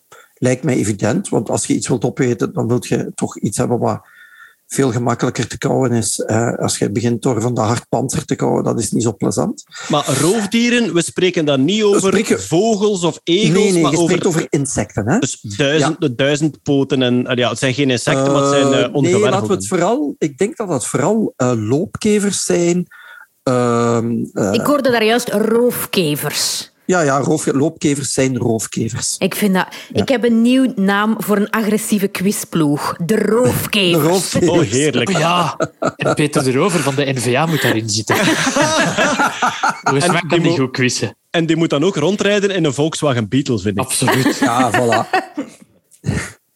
maar enfin, anyway, ehm, loopkevers slash roofkevers Els. En eh, mieren ook. Hè. Mieren zijn ook predatoren. Hè. Die lopen daar Ja. ook rond in uw gazon. Hè. En er zijn nog wel een aantal andere. eh, maar zij hebben gekeken van oké, ehm, blijkbaar wordt... En ze hebben, dan, ah ja, ze hebben dan die dingen ook nog in verschillende kleuren gemaakt. Dus eh, blauwe, rode, groene, gele en witte. Wat een hobbyclub, die entomologen. echt, Die, die zijn Oh, echt ik dat gaan Maar ik ga dat knutselen, doen, hè. Ik ga dat doen van de zomer. Dat, dat vind ik een geweldig experiment. Je gaat het onderzoek nadoen. Ik ga dat nadoen. Ik ga dat thuis in mijn hoofd doen. Wat zij het gaan doen? Ik ben hele kleine fake larven aan het maken. Ja, Van, plast van van Play-Doh. plasticine. Hey. En ehm, ja, dus zij kunnen aan de bijtsporen die erop zijn eh, kijken. A, welk soort dier heeft daarin gebeten? En B, hoeveel keer worden die dingen gebeten? Is dat bijvoorbeeld meer s'nachts dan overdag? Is er een verschil in kleur wat, eh, wat een voorkeur heeft? En het blijkt dus dat de groene en de blauwe werden overdag meer gebeten dan wit, geel en rood. En, eh, maar, maar dat was heel zelden. Het werd vooral s'nachts gedaan. Die werden vooral s'nachts aangevallen. En dus de rupsachtige of de wormachtige eh, prooien werden veel meer aangevallen dan de, laten we zeggen, de eh, decoy volwassen beesten. Eigenlijk was dat een beetje twister voor ongewervelden. Linkerkaak op rood. Ja. Ja, ja, maar het zijn alleen kaken dan. Hè. Ze, hebben, ze kunnen zeggen zo, zet uw middelste rechterpoot op wit. En zo, Oh ja, die hebben, die hebben zes poten om Die hebben twister zes mee te spelen. Oh, Fuck, jongen, dat is echt zo 4D-twister. En dan Wat- kun je nog voelsprieten, ook nog met lang voelsprieten, kun je dat ook nog eens doen. Dus ah, pas op, zeg. Ik zou niet mij- twister willen spelen met insecten. Dat gaat niet. Een bedenking die, ik- die ik mij had, eh, Peter, was... Ja, sluipwespen gaan ze daar niet mee detecteren, want die gaan af op geur. En Ja. die plasticine heeft geen geur. Maar het gaat dus waarschijnlijk over roofinsecten die niet zozeer soortenspecifiek moeten zijn. Een sluipwesp wil op een hele specifieke soort parasiteren, Ja, dus of moet een, daarom... hele, een hele specifieke groep, hè, dat klopt. Ja, ja. Dus die heeft Maar, daarvoor eh, geuridentificatie nodig. Ja, klopt. En de andere roofkevers, Ja. roofkevers zijn echte predatoren. Hè. Sluipwespen zijn parasieten. Dat is nog iets, iets eh, lichtelijk anders. Maar die roofkevers, dat is een beetje gelijk leeuwen. Hè. Je hebt niet leeuwen die zich specialiseren in zebra's of alleen maar buffels eten. Dat is, oh, dat komt voorbij, dat pakken we, dat eten we Ja. op. Dus dat zijn generalisten. En dat zijn die loopkevers ook. Maar die maken toch wel een onderscheid. Die eten toch liever wel zachte prooien dan harde prooien, blijkbaar. Maar ik kijk geweldig uit naar uw onderzoek van deze zomer. Ik hoop dat er, Oh ja, veel, wil dat echt doen. Ja, ik hoop ja, dat er veel plasticine aangevallen wordt in uw tuin en dat we daar hier een verslagje van kunnen krijgen. Oké, met fotomateriaal dan. Hè? Ja, uiteraard. Dat is ook wat die teleurgestelde eh, beesten zeggen als ze daarin bijten. Play-Doh. Oh. We blijven nog eventjes bij de kleine beestjes. Eh, namelijk, we hebben het al gehad over de kwantumverstrengelde tardigrades. Vorige het, maand eh, zelfs, ja. Voilà, vorige maand. Hè, dus de, de tardigrades, de mosbeertjes, hele kleine diertjes die in het mos leven, die ze geprobeerd hadden om via een qubit, dus een onderdeel van een kwantumcomputer, in kwantumverstrengeling te krijgen. Wij hebben daar een beetje sceptisch over gedaan. Vele topfysici hebben daar sceptisch over gedaan. Het gevolg was dat het team dat het gedaan had eigenlijk een beetje kwaad werd en zei dat is niet waar, ze waren wel kwantumverstrengeld. En de voorbije maand heeft er zich een uitermate theoretisch natuurkundige wel eens niet eens afgespeeld tussen team kwantumverstrengeld en team niet kwantumverstrengeld. En ja, het is te complex om er hierop in te gaan. Het gaat hem over frequentieveranderingen in de eh, verstrengelde qubits. Dus ik stel voor dat we gewoon de link eh, in de show notes zetten, maandoverzicht.nerdland.be. En iedereen die dat wil, die kan daar eens kijken naar hoe theoretische fysici bekvechten met elkaar over kwantumverstrengelde tardigrades.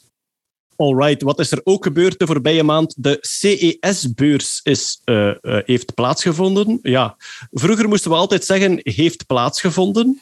Nu mogen we ook zeggen, is doorgegaan, want we leven in coronatijden. Dus het feit dat het is doorgegaan, is eigenlijk op zich al hè, eh, eh, iets frappant. Al waren er veel bedrijven niet aanwezig, eh, Ah, voilà, kijk. virtueel aanwezig geweest. Voilà. Ja. Maar dus, Jeroen, CES-beurs, een jaarlijkse beurs in de Verenigde Staten. Is Las Vegas? Ik weet het niet precies. Ja, Las Vegas. Consumer elektronica wordt daar tentoongesteld. De nieuwste Ehm, snufjes. De nieuwste snufjes, maar ook de snufjes die daar nog in ontwikkeling zijn en waar dat ze van willen testen, gaat iemand dat kopen. En ik heb de zotste dingen op een rij gezet. Ik zal beginnen met de nuttige dingen. De Samsung Eco Remote, geen Dat sponsor. de, dat- de nuttige dingen is de kortste lijst De waarschijnlijk. kortste lijst, ja. De Samsung Eco Remote is eigenlijk een eh, afstandsbediening die gedeeltelijk zichzelf oplaadt met zonne-energie, maar ook energie kan halen uit radiogolven die standaard aanwezig zijn in je huis, zoals je wifi of eh, andere elektronische apparaten die radiogolven uitzenden. Die kleine hoeveelheid energie dat die golven met zich meedragen, kan genoeg zijn om je afstandsbediening een beetje op te laden. Dus nooit meer zoeken naar eh, batterijen voor je afstandsbediening. Mag ik even de allerbelangrijkste ecologische vraag over dit soort dingen stellen? Zeg het eens. Hoeveel energie kost het produceren van deze energiebesparende maatregelen? Niet eh, vermeld tijdens de Consumer Electronics Show. Waarschijnlijk een honderdvoud van de energie die ze uitsparen. Maar goed, ga gerust door. Ja. Eh, die hebben jullie misschien wel zien passeren. BMW stond daar met een auto die volledig bedekt was met e-ink-schermen. Dus eh, het, Ja, het, het, sys- het systeem van, van de e-reader, maar dan in kleur. En die auto die kon je dus volledig van kleur laten veranderen of een motiefje geven on the fly. Ehm, dat, dat was natuurlijk nog maar een test, want ik wil niet weten hoeveel dat gekost heeft. Eh, een hele auto vol met hoge Ja, densiteit e-ink. En vooral, vooral als je daar een bluts in hebt, hoe gaat het dan gefixt worden? Dan kunnen, dan, kunnen, dan kunnen misschien de pixels rond je bluts er doen, uit, er doen uitzien alsof dat die bluts daarin past. Ah, maar dat is het coole. Je kunt je, je, kunt je bluts wegpainten in Photoshop. Live. Maar even, want e-ink is nog iets anders dan een beeldscherm. hè. Het is niet dat daar Klopt. allemaal Nee. pixels en, en, Ah, ja, en nee. LED-technologie op zitten. Het is echt een soort chemische inkt die je met bepaalde signalen van kleur kunt laten veranderen. Ja, inderdaad. Eh, dus ja, dat, dat, was, dus- dat staat niet in de winkel volgend jaar of volgend Ja. decennium. eh, maar, Maar, maar waar, het het op kan. neerkomt, waar het op neerkomt is, je kunt een nieuwe, ehm, een nieuwe desktop-afbeelding of een nieuwe skin downloaden en die kan zelfs bewegen voor je volledige auto. Je zou kunnen bijvoorbeeld denken dat voor reclamevoertuigen in de toekomst misschien een deel van eh, de carrosserie in e-ink te doen. Het is maar, Maar nee, een het, idee. het, kan, het kan ook voor kunst en artistieke beleving. het Absoluut, moet niet voor reclame zijn, hè, Jeroen. Ik ga op de Consumer Electronics beurs niet over de niet-economische zaken beginnen. Hè, maar ja. Dan de snelste tandenborstel ter wereld. Stel Aha. u, zo, ja, ja, stel u, ge- als je ooit bij de orthodontist zo in een soort van eh, plaaster hebt moeten bijten om een afdruk van uw tanden te nemen, Ja. wat dat er dan overblijft, dus een soort van Mal. die dat je volledig in je mond kunt plaatsen, stel u dat voor. Maar langs de rand zitten meer dan 35.000 borsteltjes. Je steekt die in je mond, je bijt daarop neer, je drukt op de knop en binnen vijf seconden zijn al uw tanden gepoetst. Want Is al- al die 35.000 borstels doen en klaar. Maar Prachtig. dat, Dat, is toch al, al zoiets? ja, ja, dat is, dat is al een paar jaar in ontwikkeling en ik heb Ja. daar al, al een paar eerdere types van gezien, maar ik neem aan dat die zich nog heel specifiek naar uw gebit richt. Dus dat het echt Ja. gepersonaliseerd is. ja, dit Ah ja, oké. Volgend jaar in de winkels liggen. Dus het, ik, eh, ik, ga, ik ga bekennen, ik ben niet zo'n goede poetser, dus als dat me helpt om te poetsen, dan Ah, wel, we- maar dat, dat wil ik nog even zeggen, Jeroen. De snelste poetsbeurt is niet poetsen. Hè. Dat, is waar. Voilà, dat is mijn bond zonder naamspreuk voor vandaag. De, de snelste poetsbeurt is niet poetsen. En ik denk, alle tijd die je uitspaart door niet te poetsen, kan onmogelijk langer zijn dan de tandarts die vijf gaatjes moet vullen. Denk ik bij waar. mezelf. Dat is waar, dat is waar. Het, is een, het is een van de meer nutteloze levenswijsheden die ik te delen heb. Maar bij deze heb ik het toch gedaan. Een hele hoop toekomstige sponsors aan het kwijtraken. Ja, en Ik denk altijd, 9 en- op de 10 tandartsen vinden dat. Oké, ik ga bij die laatste. Die, die 10 op de 10. Ja, voilà. Ja. Eh, dan, de volgende nuttige uitvinding is het anti-snurkkussen. Ik weet niet of er hier snurkers tussen jullie zitten. Ik hoor altijd dat ik een, een absoluut eh, snurkmachine ben. Dus, eh, Laat voilà. ons zeggen dat de snurker des huizes er vandaag niet bij is. ik heb mijzelf nooit horen snurken, dus ik neem aan van niet. Nee, ik, Ja, ik hoor mijn eigen no ook nooit snurken. Hoor. Dan Dus, moeten eh, jullie de Motion Pillow kopen. Het is een, een kussen met daarin eh, zes luchtzakjes en een hele hoop microfoons en slimme technologie dat detecteert wanneer je aan het snurken bent, je hoofdpositie probeert te vinden en je dan eh, gently door een luchtkussentje, luchtkussentje op te blazen eh, naar een andere kant draait, waardoor je ophoudt met snurken. dat, vervangt, dat vervangt die porren in mijn rug van mijn vrouw Inderdaad, dan. ja. Of zo die tennisballen in uw, in uw, in uw pyjama. Ah, dat heb ik nooit geprobeerd. En dan komen we bij het meest nutteloze ding dat ik daar gezien heb. Ehm, kent je zo het gevoel van een kat of een hond die aan uw vinger likt of zo'n beetje op uw vinger, eh, vinger Ja. knabbelt? Ja. Wel, er is nu een robot die dat, dat kan doen. Ah, maar ik vind dat nog niet leuk van mijn kat en ik vind mijn kat wel leuk. De naam van de robot is, het is de Amigami Ham Ham. Ik veronderstel dat dat iets Aziatisch is en dat Ham Dat Ham ham ham over het, het, de, de act van het, het ham hammen gaat. Ehm, dus eh, je kan hem in kat- of hondenvorm krijgen. Ehm, er zijn 24 verschillende soorten eh, beten die je kan uitvoeren. Dus waarschijnlijk ja, zo de manier waarop hij op je hand bijt. En, en dit is waar ik eh, toch eventjes mijn, mijn palm met mijn hoofd moet verbinden. Het apparaat wordt gedreven niet door, algoritmes, niet door algoritmes, maar door hamgoritmes. Oh god. Ah. Ja, dus de, de Amigami Ham Ham. Maar Natta, als ik het eh, goed opgevangen heb, zijt jij wel een beetje fan van deze robot? Nee, nee, nee. Nee? Nee? Eeuw.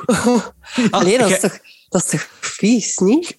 Ja, oké, maar het probleem is dat inderdaad eh, de kat, als de kat echt affectie voor u voelt, zoals Joe Galaxy ook, eh, eh, Jackson Galaxy ook zegt, hè, maar als de kat echt affectie voor u voelt, dan zal die inderdaad een paar lieftallige likjes eh, aan uw hoofd geven.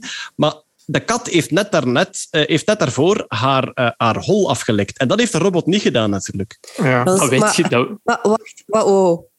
Er is wel een verschil tussen geeft die robot een paar likjes of ik dacht dat het eerder was sabbelt op uw vinger. Het sabbelt op je vinger. Ja, het is echt een zie, soort, dat, echt ik een soort van vlezig gat waar dat je je Ik ga toch niet mijn hè. vinger in een... Nee, nee. Ja, oké. En ik, ik vrees dat veel eenzame mannen deze robot Ja, inderdaad. eh, ja, inderdaad, Inderdaad. voor Daar- andere daar gaat- doeleinden gaan Daar gebruiken. gaat Maar, heel eh. veel terugkeren naar customer support, inderdaad. Ja, Dat was al. ja, dat om Ik af te sluiten. Ja. Ik moet nu denken aan die, aan die scène met eh, Big Bang Theory, waar Wolowitz met zijn robothand... Dat is eh, juist. ja, it, dat- it happened again.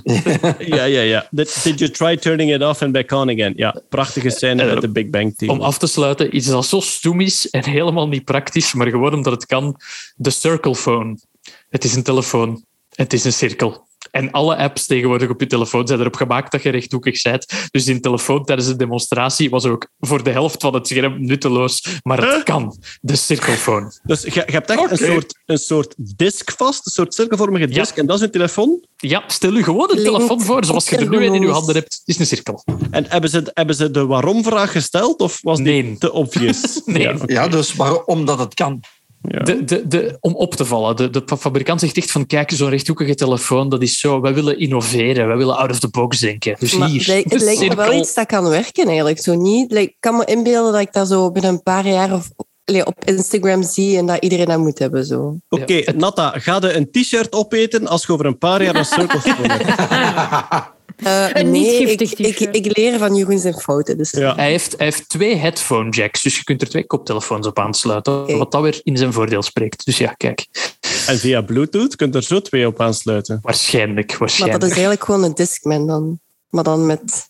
Oh. Het is een je- circlephone, dat is een getrademarkte naam. Ik moet nu wel zeggen, als er iemand een smartphone uitbrengt in de vorm van een Walkman, Want... maar dan ook met alle knoppen van de Walkman, dus dat elke knop ook kajunk zegt als je hem indrukt, dan ben ik misschien wel verkocht. Ja, dat zou wel kunnen. Ja. Het is een maker-projectje. Alright, de CES-beurs. We hebben nog een lijstje. Want er is zowaar een jaar afgesloten. Het jaar 2021.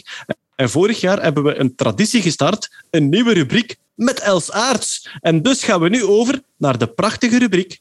Wat hebben we dit jaar weer in ons poepenol gestoken met Els Aarts? Yay! Ik heb, ik heb mijn best gedaan. Ik hoop dat ik de lijst haal. Ik heb echt- Els, eh, eh, om te beginnen, wat zijn uw bronnen? Ah, wel, ja, dus eh, ik heb mijn, mijn nieuwe beste vriend, eh, Barry Pachetsky, die zoekt elk jaar door de database van de emergency room visits eh, in Amerika. Ah, oké. En dus daar vindt hij alles wat in de emergency rooms uit, ja, wordt, maar dat is dus, dus uit het hol van verbatim, mensen. Ja. verbatim dus, dus letterlijk zoals het daar gezegd wordt. En het is niet alleen het piepnolk, het zijn alle gaten van uw lichaam. Ah ja, alle, alle, alle vreemde objecten die mensen Ja. in lichaamsopeningen gestopt hebben in 2021. Ja, en het wordt opgelijst van, van laten we zeggen, noordelijk naar zuidelijk. Dus van boven naar onder, Op het lichaam, ja. al de gaten. Ja. En we zijn mogelijk het meest geïnteresseerd, zoals bij de vakantie, in de zuidelijke kant van de zaak. Ja, ja, ja, oren, monden, neuzen en zo slagen we helemaal Niet over. interessant. Laat maar komen. Ik zal terwijl van mijn drankje drinken. Dus eh, we- we- eigenlijk het poepnolken, daar gaan we mee eindigen. Dat is, de, dat is, laten we zeggen, dat is de grand finale. Titel van je. Oh god. Kom op, dat is de grand finale. Nee, goed. Ja, go. Alsjeblieft. Waarom is Jeroen nog single.be? Maar niet ongelukkig.be. We gaan beginnen bij de penis. En ik ga eerlijk zeggen, ik ken daar niks van. Ik heb dat eigenlijk in volwassen vorm nog nooit echt van dichtbij gezien. Laat ons ik, zeggen, jij hebt daar in je leven weinig mee te maken met dat ding. ja, ik wel, ik wel. Maar, maar ik versta niet goed hoe dat je daar dingen kunt insteken. Is daar, is daar veel plek in? Want mensen steken daar dus blijkbaar plastieke vorken in en sporken en, en, en, en, en, en knikkers en zo. En ik weet niet Oh, hoe... nee. Allee, ik, ik heb wel een, een, een basis-understanding van, van hoe dat anatomie in elkaar zit, maar waar stikte dat? Waar een wil is, is een plasbuis, eh, Els. Waar een Willy is, is een weg. Hè? Ja, voilà. Ja. Enfin, het, het coolste daar vond ik wel iemand... Ik, dat vond ik nu wel een goed idee. Allee, niet voor die mens waarschijnlijk, maar zo wel cool. Een, een dartspijltje. Oeh, amai. Oh, nice. nee. Maar Dat is de nieuwe hype, hè? Ik kan mij Ja. voorstellen dat dat er nog wel cool uitziet. Ja. En daarna riep hij 180! Ja. enfin, dan eh, gaan we naar de volgende opening. De, de, de... Eh, wacht, ik ga even een aanvulling geven Oh, op oh. eh, de plasbuis van de Pimeldoris. Er is namelijk net een nieuwsbericht binnengekomen. En ja, ik ga, ik ga Breaking. het... Ja, Heet van de naald. Over de naald gesproken. ja, ja, inderdaad. Ik, ik, ga het, ik ga het met enige creativiteit onder wetenschapsnieuws eh, eh, poneren. Er was een man, ik denk dat het een Amerikaanse man was, ik zou het eens terug moeten opzoeken, die ehm, erectieproblemen had.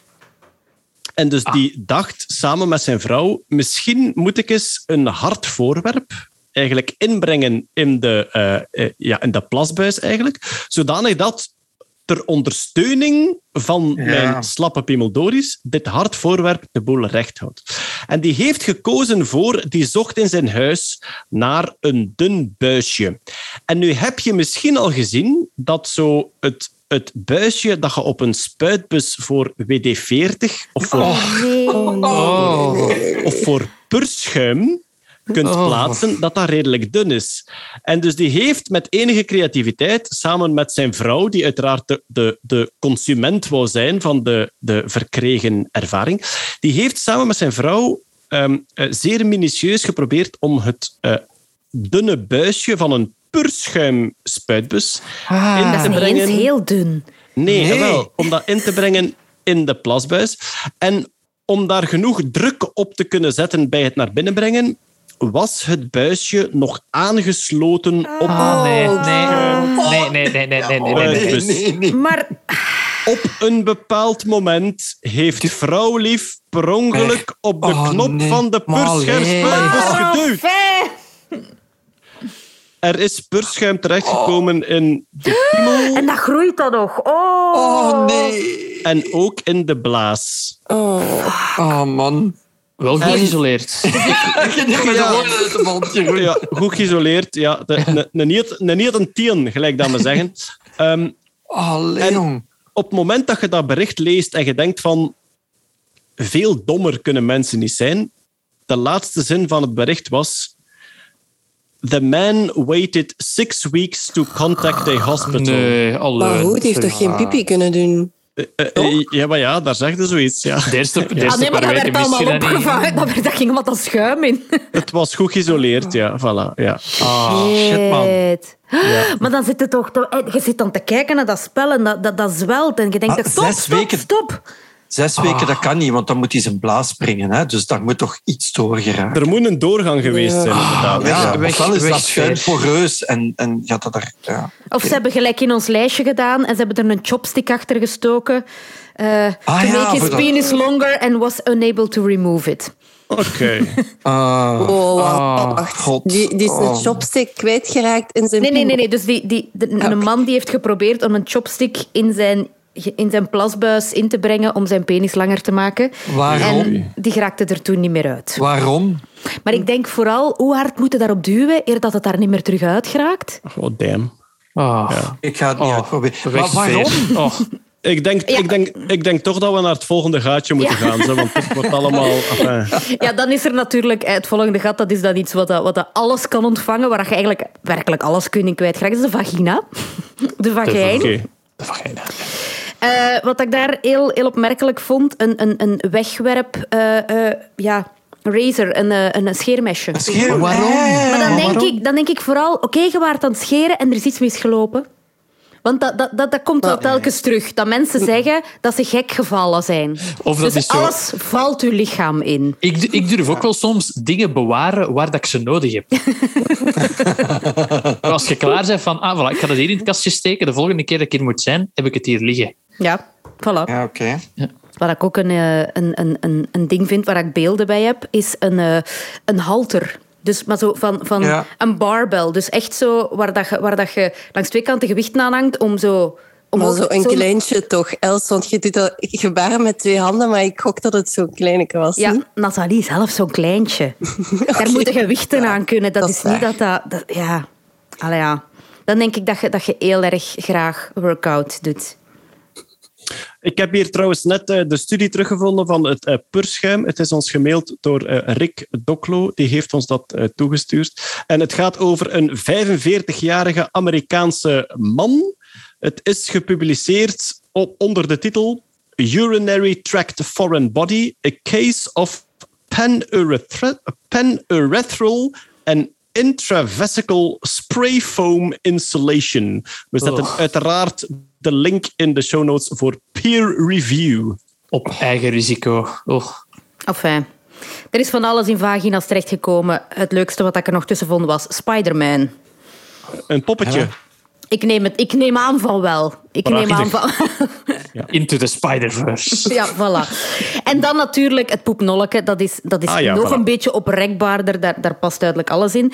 Ehm, het viel mij op dat er heel veel mensen toekwamen op spoed die... Ja, natuurlijk, ik ben op de shampoobus gevallen. Dat is nog altijd Ja, een klassieker. Ah, ja, ja. ja. Maar ook, we waren onnozel aan het doen met vrienden. En toen ging het mopje te ver. En toen hebben we een blikje in mijn aars gestoken. As you do. En dat bedoel je zo 33 centiliter? eh, blik? Waarschijnlijk, waarschijnlijk. Direct, direct er Oké. vol voor gaan. Maar ook, allee, ik weet niet wat voor vrienden dat Gellen hebt. En Ja, ik heb echt al veel mopjes gedaan met vrienden. En dat is gelijk nooit zo... Dat- nee. Dat is nooit opgekomen. Dat is de reden waarom dat we nooit op weekend gaan met Nerdland. Ik eh, vertrouw, ik vertrouw dat niet. Maar ook zo, ook zo iemand die zegt van... eh, ja, we doen de hele tijd... Mijn beste maat en ik doen de hele tijd practical jokes op elkaar. En ik was aan het slapen en hij heeft een dildo in mijn rectum gestoken en hij raakt er niet meer uit. Oké. As you do. De, de excuses zijn ook prachtig. Hè? Ja. Ja, ja, ja. ja.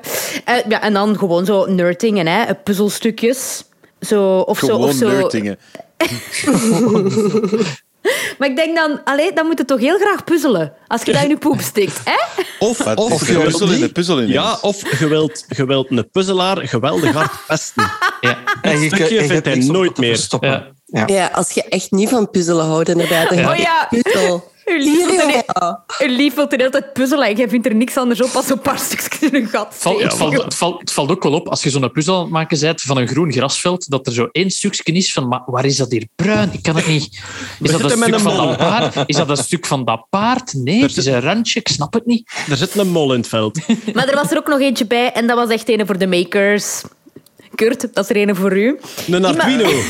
Nee, iemand had een, een, een handdoek gepakt blijkbaar, daar een sok over getrokken en daar een handschoen over die sok. Oké. Dat is, Ja. ja, dat is gewoon een, een zelfgemaakte... Allee, dan, dan zit iets aan het proberen te... En waarom is dat iets voor mij? Three-factor authentication. Ja. Ik vind dat, ik vind dat een maker-projectje. Ja, dat is waar. Ja. Oké. Ik zeg niet dat je dat moet proberen. Hè. Nee, nee. Ja. Oké, en waren, waren dat de belangrijkste van het voorbije jaar? Ja, ja, ik denk het wel. Er zat nog een loterijticketje in iemand zijn poep ook, maar ik denk niet dat hij gewonnen had. Dus dat is dan niet zo belangrijk. Die echt zegt, als het zo zit, dan stop ik het in mijn hol. Eh, ik denk dat dit het ideale moment is om eens eh, terug te grijpen naar onze ongoing suppositoire story. Hè. Dus we hebben het hier al een tijdje gehad over moet de suppo nu met de bottenkant eerst of met de spitsenkant e- eerst. Blijkbaar is er een interview met Arno, de zanger, hè, die dus zingt over, ja, in het nummer Dans les yeux de ma mère over Elle est la reine du suppositoire, waarin hij ook zegt dat het met de bottenkant eerst moet. We hebben redelijk wat ehm eh, apothekers die gezegd hebben het moet met de bottenkant eerst. En als we vroegen waarom, zeiden ze we hebben dat zo geleerd in de opleiding. Dus eh, moeilijk. Nu, wat kregen wij met de post toegestuurd? Een pakketje van apotheek Cobra in Mol. En zij hebben voor ons suppositoires gemaakt met twee spitse kanten. Zodanig dat we onze theorie van vorige maand kunnen testen. Hè, van als, als, ja, je hebt een spitse kant nodig, blijkbaar, om eh, eh, de, de, de kringspier zijn werk te laten doen om het omhoog te duwen. Maar je hebt ook liefst een spitse kant om het in te brengen. Dus twee spitse kanten zou daarbij kunnen helpen. Eh, Apotheek Cobra uit Mol heeft ons suppositoires bezorgd met twee spitse kanten. Maar ze hebben er nog eentje bij gedaan. Namelijk, wij hebben nu ook, en ik zal de foto's posten, zij hebben ons ook suppositoires toegestuurd in de vorm van het Starship van SpaceX. Ja.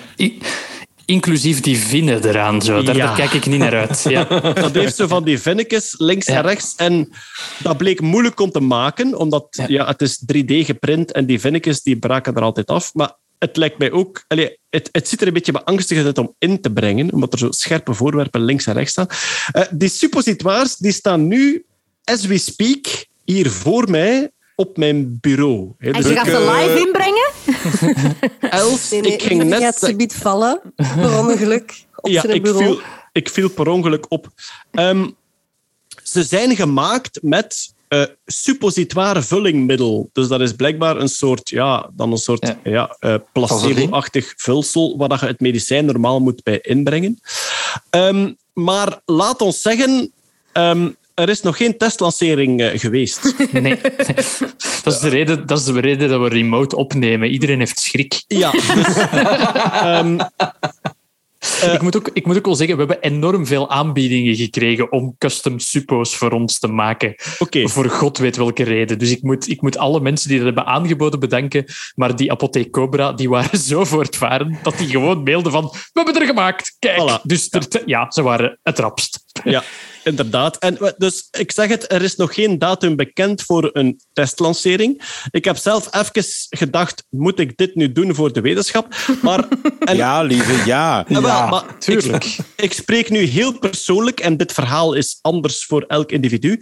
Maar ik zelf bevind me in een positie waarin de laatste keer dat mijn, eh, mijn holken in die richting bespeeld is, was in mijn kindertijd met de suppositoires en de thermometers van Kijk, toen. lieve, maar... En, enfin, en ik zeg het nogmaals, elke smaak is persoonlijk en we gaan daar geen waardeoordeel over vellen. Maar voor mij persoonlijk is er een soort gouden tijd tussen de mannelijke kindertijd en het eerste prostaatonderzoek, waarin de anus eenrichtingsverkeer is. Ik heb de persoonlijke ambitie om die tijd zo lang mogelijk te rekken. Over, over Rekken. rekken. Ik vind wel, de Nerdland-podcast staat bekend, soms in de volksmond, als de podcast van Lieve Scheire. Dus ik vind eigenlijk dat het Ja. logisch is. Ja, eigenlijk wel. Het is uw feest, hè? Ja. Jeroen, eh, we hebben heel veel geluk dat we remote opnemen deze maand. Anders was er een soort opbod ontstaan van wie gaat er even achter Dus het dan heb ik gaan toch staan. die vrienden die maken dat we dan uiteindelijk rare dingen in onze poep steken. maar heel simpel, wie stemt er voor lieve? Yo, allemaal. Ja. It's not a democracy. Ehm, maar goed, kijk, de objecten liggen hier Ja. eh, binnen mijn handbereik, moet ik schoorvoetend toegeven. Ehm, eh, ja, ik, ik denk dat we het een beetje gaan moeten overlaten aan ons publiek, eh, wie er vindt dat dat getest moet worden ehm, en door Moet- wie. Er En, moet er ook een ja. beetje een testprotocol uit. Ik denk dat ik die paper uit Egypte nog eens ga lezen om te kijken hoe dat die, ehm, de hoeveelheid ehm, extra vingerwerk die nodig was om de suppo erin te ik, ik wil het wel wetenschappelijk aanpakken als Maar we het doen. ik- Niet heb ik dit- gewoon... Heb ik dit nu juist... Gaan we een poll doen? Wie dat daar moet inbrengen? En moeten alle luisteraars stemmen? Ehm, Je eh, weet wa- waar dat wa- naartoe gaat leiden. Hè? Die Nee, nee, nee. Eh, het, het referendum zal adviserend, maar niet bindend zijn. Inderdaad. Zie het als de coronabarometer. Dat is het belangrijk. Het is, een, het is een tool. Maar enfin, wat ik ook moet zeggen is... De suppo's uit mijn kindertijd waren kleiner dan deze. Ehm, ik, wacht, ik ga ze Ah, er ik heb ze even nog niet bij echt gezien, hè? Ik ga ze er even bij halen. Ze zijn, ze zijn aan de grote kant. Ja. Ik heb nu nog zoiets van... Alle Sissi... Maar ja, ik heb ze nog niet Ze, gezien. zijn, ze, zijn, ze zijn best wel pittig. Eh, Pittig. Oh, ja, en, ja. en, en wat is de prijs voor degene die eh, dit doet? eeuwige roem, denk ik. Daar zijn we. Dus You sold it, Jeroen. dit zijn de suppositoires Niet banana for scale. In de standaardvorm. Dus ik, we spreken echt over toch? 4 centimeter. hè, Zijn die lengte. normaal? Ik vind dat... Ja, niet vind altijd dat nu... Ja. De laatste keer dat ik een suppositoire gezien heb, was voor een kleutertje, namelijk Ja, mijn kinderen. een, een perdolan is De perdolan. kleiner. Die zijn, Ja. die zijn de helft hiervan. Hè? Echt Ja. de helft. Maar- En De kleuter eh, is ook kleiner. Ja, Ah, voilà. Ja. Zover Ja. was ik al. Maar Ah, wel? eh, eh, Peter, jij hebt mij vaak gezegd, als het over hoornaars ging, angst maakt dingen groter. Ja, dat is waar. Ehm, We moeten vertellen aan die mannen die dingen in een pisbuis steken. eh, wel, ja, bijvoorbeeld. Maar dus, Ja, maar die zijn ehm, daar misschien niet bang van. Hè? ik ben ooit... Wij hebben ooit gefilmd op een boot met neveneffecten. hè, De aflevering met Jommeke, die, die, of Guillaume dan, die, die een schat zoekt. En toen werd er ons verteld, als je heel zeeziek bent, dan kunnen wij u geen medicijnen geven, want die kotste weer uit. Ja. En toen was er op de boot aanwezig, en ik heb hem aanschouwd met mijn ogen, de roze torpedo. Zo werd hij genoemd. En dat was een soort antimisselijkheidsmedicijn dat inderdaad via suppositoire aangebracht werd. Ja, dat is groot, hè. Ja. Nu Ja, moet ik maar- wel zeggen, allee, daar word ik toch niet direct bang van. Dat is toch... Allee, dat... Oké, maar dan is beslist wie testlancering gaat Nee, nee, nee, hè. nee, nee, nee, nee. Ik dacht dat er een, eh, een, eh, een, een raadpleging van het publiek ging komen, hè? Ja, oké. ja, Een referendum. Ja. Ja. Eh, die, die met het dubbele punt zijn eh, eh, even groot, maar iets dikker in het midden. Hè? Dat wil ik er ook bij zeggen. Eh, en dan heb ik hier de Starships. Eh, die kan ik, ik kan er eentje uithalen om te laten zien. We gaan sowieso een foto online zetten. Eh voilà. Dat, met die vinnetjes, dat komt niet goed. Ja, er zitten echt zo, Nee, nee, nee, nee. Ja, zo van die vinnetjes Dat aan. zijn En ik precies vrees, weerhaakjes nog extra zo. Ja, eh, wel, ze zijn van heel zacht materiaal. Maar ik vrees wel dat die ja, mogelijk toch significante schade kunnen aanbrengen. Ik denk niet aan, dat dat eh, gaat aan- vloepen naar binnen eigenlijk. hè. Dus dat is toch voor de wacht, liefhebbers, denk ik. Maar ja, dat zijn zo Zeg, maar die we kunnen eigenlijk dat- ook gewoon iemand, iemand stemmen die er gewoon nu niet bij is, hè? Ah, ja, ja. Stefanie.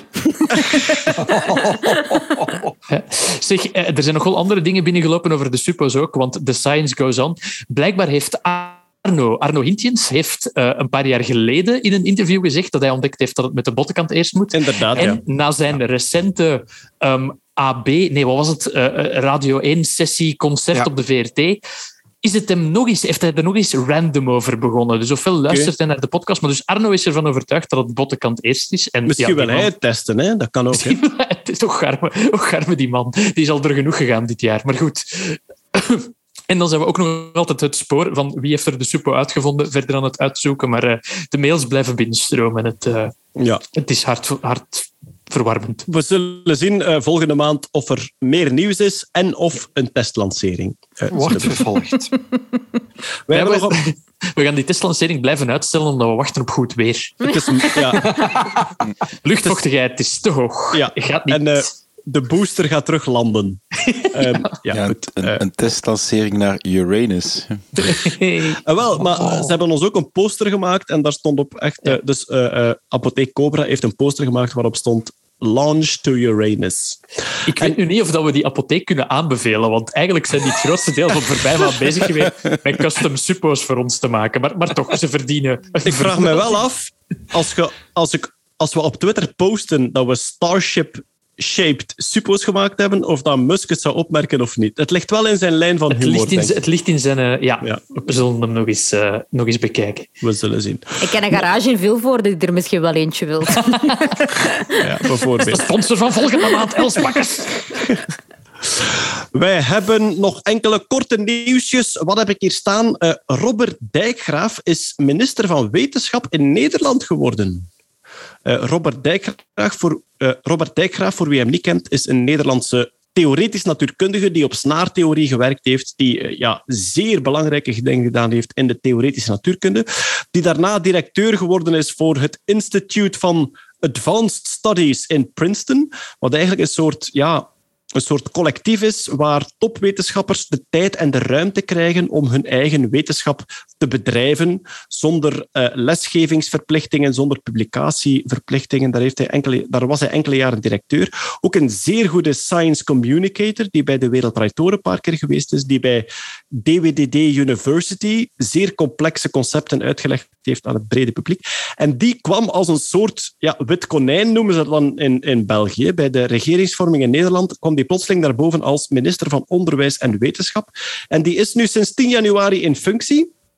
Ehm, ik vind dat geweldig spannend. Eh, iemand die echt vanuit de wetenschap zelf komt, die weet wat het is om onderzoek te doen, die weet wat het is om te moeten zoeken naar fundinggeld, hoeveel tijd daarin opgaat, die, ehm, die directeur geweest is van een wetenschappelijk instituut waar hij hopelijk ook de politieke kant en de, ja, sowieso ook de politieke kant en, en, en diplomatieke kant van heel de zaak leren kennen heeft. Dus ja, toen dat ik het nieuws hoorde, dacht ik echt van...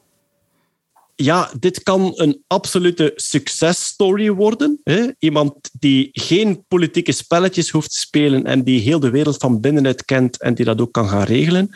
En ergens dacht ik, en ik hoop dat het niet waar is, maar een soort pessimisme van... Ja, als je heel die politieke intrigue niet kent, met kennis en goede bedoelingen, kom je er misschien niet in de politiek. Ik weet het eigenlijk niet. Maar goed, hij heeft natuurlijk hij heeft een internationaal instituut geleid, dus hij weet wel een en ander over hoe mensen zich verhouden tegenover elkaar en proberen een machtspositie te krijgen enzovoort. Laat ons hopen. Ja, kijk, ik, ik vind het... Allee, een, een, een, een vakminister... Ik denk niet dat er in Europa... En ja, goed, dat moet ik eigenlijk schrappen, want ik heb geen zicht op Europa. Maar als je kijkt naar de Benelux... Er is waarschijnlijk nog nooit een minister geweest die zoveel kennis had van het gebied waarover hij bevoegd was, dan Robert Dijkgraaf over wetenschap, denk ik. Dus ik hoop van ganser harte dat dat een succesverhaal wordt. Ja, inderdaad. Philip de Bakker had een doctoraat in de biotechnologie hè, een paar jaar geleden. eh, dus die kan ik mij voor, voorhalen. Ik weet niet of dat podcastwaardig is, maar, Ja, maar dat is de meest eh, technische ik mens weet, dat ik me kan herinneren. die was toch eh, een landbouwingenieur, denk ik, in Ja. die tijd. Die was toen minister Ja. van Milieu.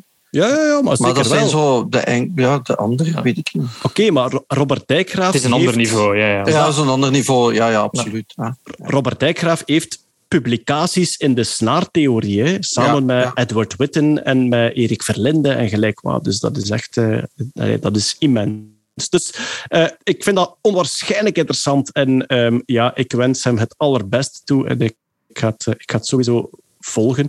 Hij, hij heeft, zo, allee, hij heeft nu al eh, goede budgetten losgekregen voor wetenschap en ook ja, dat Institute for, for Advanced Studies in Princeton is wel iets geweldig boeiend, omdat ze er daarvan uitgaan. Einstein heeft er ook gezeten, bijvoorbeeld. Daar gaan ze ervan uit. We moeten eh, een bepaalde groep wetenschappers alle vrijheid geven, zonder dat die zich constant moeten verantwoorden over budgetten, lesopdrachten, publicaties enzovoort. En natuurlijk kies je dan voor wetenschappers die zeer getalenteerd zijn, maar die ook een enorme interne motivatie hebben. Als je die interne motivatie hebt, dan heb je die externe factoren als publicatiedruk niet nodig. Dus die heeft daar natuurlijk wel een paar jaar aan een schoolvoorbeeld gezeten van hoe dat je topwetenschap uh, faciliteert. En hij heeft nu al goede budgetten gekregen, dus ja, ik zeg het, uh, ik ga het met heel veel interesse volgen en uh, ik wens hem het aller, allerbeste toe. Dat sowieso. Over onderwijs hier in Vlaanderen dan. We hebben hier de Jonge Academie. Marian is er nu niet bij, maar Marian Verhelst is lid geweest van de Jonge Academie. Het zijn allemaal jonge academici die eigenlijk proberen van hoe gaan wij nu op de manier van onze generatie, de jonge generatie, de nieuwe generatie, aan, niet alleen aan wetenschap doen, maar ook aan wetenschapscommunicatie. Die hebben een uh, bordspelletje ontwikkeld. bestaat al een tijdje, maar het is nu vernieuwd. Het heet Mundus. Dus de U met OE, Mundus. Uh, je kan het bekijken op mundus.be. Wat is de bedoeling van het bordspel? Uh, je neemt bijvoorbeeld een klas in de lagere school en je gaat op verschillende plaatsen in het klaslokaal of, of het, het schoolgebouw, ga je informatie ophangen over een planeet. En je komt zogezegd met heel de klas terecht op een nieuwe planeet. Op die nieuwe planeet zijn nieuwe levensvormen, uh, nieuwe soorten dieren, maar ze hebben ook een eigen manier van wiskunde bedrijven, eigen symbolen voor getallen, voor letters enzovoort. En je laat je klas los op die nieuwe planeet. En je vraagt aan hen, nu gaan jullie in groepjes onderzoeken wat er hier leeft, hoe de mensen hier leven, hoe ze zich verhouden tegen elkaar, wat de geschiedenis is van de planeet, wat het wiskundesysteem is van de planeet. En eigenlijk is de bedoeling van de jonge academie van, kijk, we gaan een soort spelvorm van wat de wetenschap echt is, namelijk het uitzoeken van hoe zit het hier nu, gaan we loslaten op de lagere schoolklassen. En zij kunnen dan een beetje zelf rondlopen, zoeken. Het is de bedoeling ook dat ze leren van elkaars bevindingen. Dus elk groepje komt terug met wat zij gevonden hebben. Zij publiceren dat op een groot bord centraal in de school en moeten dan een beetje leren van elkaar. Dus uh, Mundus, een wetenschapsspelletje te bekijken op mundus.be, wordt verspreid over de lagere scholen. En ja, ik hoop dat het de juiste wetenschappelijke methodes kan bijbrengen aan uh, de jeugd van jongs af aan. Ik heb een overlijdensbericht, namelijk de Belgische planetoïdenjager Erik Elst is overleden. De planetoïden ja, zijn eigenlijk brokstukken die te klein zijn om een planeet te zijn, maar die wel rond de zon draaien. Tussen, um, tussen Mars en Jupiter hangt er een hele gordel van planetoïden. Hoe kan je die ontdekken? Ja, door heel lang naar foto's te kijken van allerlei lichtpuntjes en te kijken welke er verschuiven ten opzichte van de sterren. Erik Elst heeft persoonlijk, dus alleen, 3700 planetoïden ontdekt. Hij mocht die allemaal een naam geven. Uh, vele daarvan zijn genoemd naar Belgische iconen. Uh, Jacques Brel is er eentje. Eddie Wally is er ook eentje, moet ik er wel bij zeggen. Die is uh, ja, net overleden deze maand. En ja, het is toch een icoon. Hij is de persoon die als individu, dus als persoon alleen, is hij de recordhouder van aantal ontdekte planetoïden. Ah. Er zijn er nog een paar boven hem, maar dat zijn allemaal wetenschappelijke teams of computersystemen. En hij deed dat manueel. Voilà, kijk, eigenlijk een, uh, ja, toch een zeer bewonderenswaardig persoon in onze Belgische sterrenkunde. Erik Elst is komen te overlijden. Voilà, daarmee zijn we rond dan kunnen we nog een paar dingen vermelden, zoals bijvoorbeeld de kerstpuzzel van Defensie is afgelopen. Wie heeft er allemaal mee gepuzzeld? Ik, hè? Els ook. Kurt ook een beetje, toch, hè, of niet? Een klein beetje, maar niet een klein intens, beetje. Dus de kerstpuzzel van de, het Belgische leger, naar het voorbeeld van het Nederlands leger, die dat al vele jaren doen, hebben zij nu al een jaar of vier, vijf, denk ik, een zeer cryptische, moeilijke puzzel die iedereen kan oplossen die dat wil. We hebben het vorige maand ook vermeld. We hebben met Team Nerdland ook gepuzzeld. Wat blijkt? Op onze Nerdland Discord was er een team van uh, Nerdland podcast luisteraars en die hebben zich ook verenigd om mee te puzzelen. Ja. Ik heb gisteren een hele avond met hen overlegd over wat zij gevonden hadden en wat niet. Ik kan u, niet, ik kan u op dit moment met een aan zekerheid grenzende waarschijnlijkheid zeggen: ze hebben ons ruimschoots verslagen. Uh, bij deze kan ik bevestigen, onze fans zijn slimmer dan wij. Absoluut. dat wisten we misschien al. dat wisten we misschien al. Maar goed, um, uh, op dit moment zijn de tips gepubliceerd. Dus je krijgt per, vraag een tip in welke richting je moet zoeken. Binnenkort komen de antwoorden. Ik vind dat wel de moeite om dat te bekijken, want het is een zodanig ingenieus opgestelde, fantastische quiz, uh, puzzelquiz om te spelen. De kerstpuzzel, we zetten een link in de show notes. Nog twee vermeldingen heb ik staan. Eentje is, wij zijn vereerd als Nerdland Podcast om sinds deze maand gepubliceerd te worden op Prison Cloud. Yep. En Prison Cloud, Jeroen, dat is uh, een podcastsysteem voor de Belgische gedetineerden in de gevangenissen? In de gevangenissen van Beveren. Uh, in, de gevangenis van Beveren hebben ze een intern, een intern soort internet. Dus de gevangenen, of bepaalde gevangenen, mogen daar niet op het wereldwijde internet. Maar ze krijgen content van tv, informatie, weerbericht, krijgen zij op een intern netwerk gepubliceerd. En wij zijn gecontacteerd geweest door een persoon die daar werkt, die zegt van kijk, zouden wij de Nerdland podcast mogen aanbieden? Dus downloaden van het internet en daar ter beschikking stellen uh, aan de gedetineerden. En uiteraard hebben wij gezegd, supercool, ja, doen. Um, en ze, ze, heeft mij uh, gisteren teruggemaild, de laatste vier maandoverzichten zullen vanaf eind volgende week beschikbaar zijn. En ze houden die maandelijks up-to-date. Dus ja, dat is dan wel het nadeel, dat telt niet mee voor onze luistercijfers. Dus ik ga ze vragen om te turven. uh, maar, maar, ja, supercool. Die gaan ah, ja. aandachtig ja. luisteren over dat smokkelen binnen de anus, denk ik. Ja, voilà. Die luisteren... Nee, nee, nee. Maar we zijn, uh, ja, we zijn uh, heel, heel blij ja. dat. Want inderdaad, ja, uh, allez, ik, ik ken er echt niks van. Maar ik kan me inderdaad voorstellen dat het internet zeer gereguleerd tot afgesloten is binnen de ja, gevangenis. Normaal gezien, normaal gezien ja. komt dat niet voor in de gevangenis. Ik ben eens in de, in de gevangenis van Leuven gaan impro spelen. Samen met de, alle neveneffecten buiten Lieve. Want jij kon die dag niet. Of zo. En dat was opvallend. Die mensen daar hadden jail TV. En die mochten beslissen wat dat daarop kwam. En neveneffecten kwam daarop. En er waren gevangenen tussen die echt die sketches van buiten kenden. We kwamen er eigenlijk impro spelen, maar eigenlijk heeft Jonas gewoon de hele tijd Kabouter Wesley gespeeld en die mensen die wisten niet waar dat ze het hadden. Dat is ongelooflijk. Ik heb ah, okay. impro gespeeld in elke Vlaamse gevangenis en ik heb jail TV gemaakt. Jail TV, waar, ja. Ja, ja, ik heb in Mechelen, in het Huis van Bewaring, heb ik met een paar gedetineerden een tijdje jail TV gemaakt. Ja, okay. ja dat is een top, top project. Heel tof. Ja. Voilà, kijk, maar wij kunnen dus, ja, het zal dan niet online, maar offline beluisterd worden op uh, Prison Cloud vanaf deze maand. Heel af en toe. Zouden onze collega's van de volksjury daar ook op staan? Want dat kan wel een beetje een overlap zijn, denk ik. Uh, ja, dat weet ik niet. Ja. Dat is een beetje true crime. Dat, dat die elkaar aanporen en zeggen van, het is mijn aflevering. ja, voilà. Oké, okay, en dan, ja, er is een jaar voorbij en dan moeten we toch zeggen, ja, ook van 2021 moet er een gouden jasmop verkozen worden. Als jullie nog moppen hebben die jullie zich herinneren, dus echt gouden jasmoppen, dus ja, eigenlijk woordspelingen of andere flauwe moppen, waar je eigenlijk voor zou weggestuurd of een rode kaart voor zou moeten krijgen, dan mogen jullie die vanaf nu melden op goudenjas.be. Daar komt een inschrijvingsformulier en daar kan je dan zeggen uit welke aflevering die komt, uh, op welke tijdscode ongeveer. En dan uh, ja, kunnen wij hopelijk, want ja, meestal doen we er toch ruim een half jaar over om een mop ja. te verkiezen. We gaan proberen om dat iets sneller te doen uh, deze maand. Goudenjas.be, daar kan je al jouw jasmoppen selecteren van het voorbije jaar. En dan de rest ons enkel nog de sponsor. En deze maand is dat Jeroen.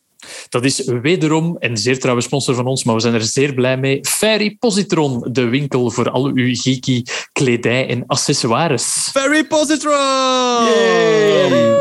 Ja, het is een van onze meest... Ik denk, van iedereen heeft Fairy Positron ons altijd vaak gesponsord. En we zijn er ook geweldig blij mee. Dus het is een webwinkel waarop kledij, juwelen, notitieboekjes... Ze hebben ook pennenzakken, allemaal met een geeky thema. Er staan wetenschappelijke dingen op uit alle disciplines.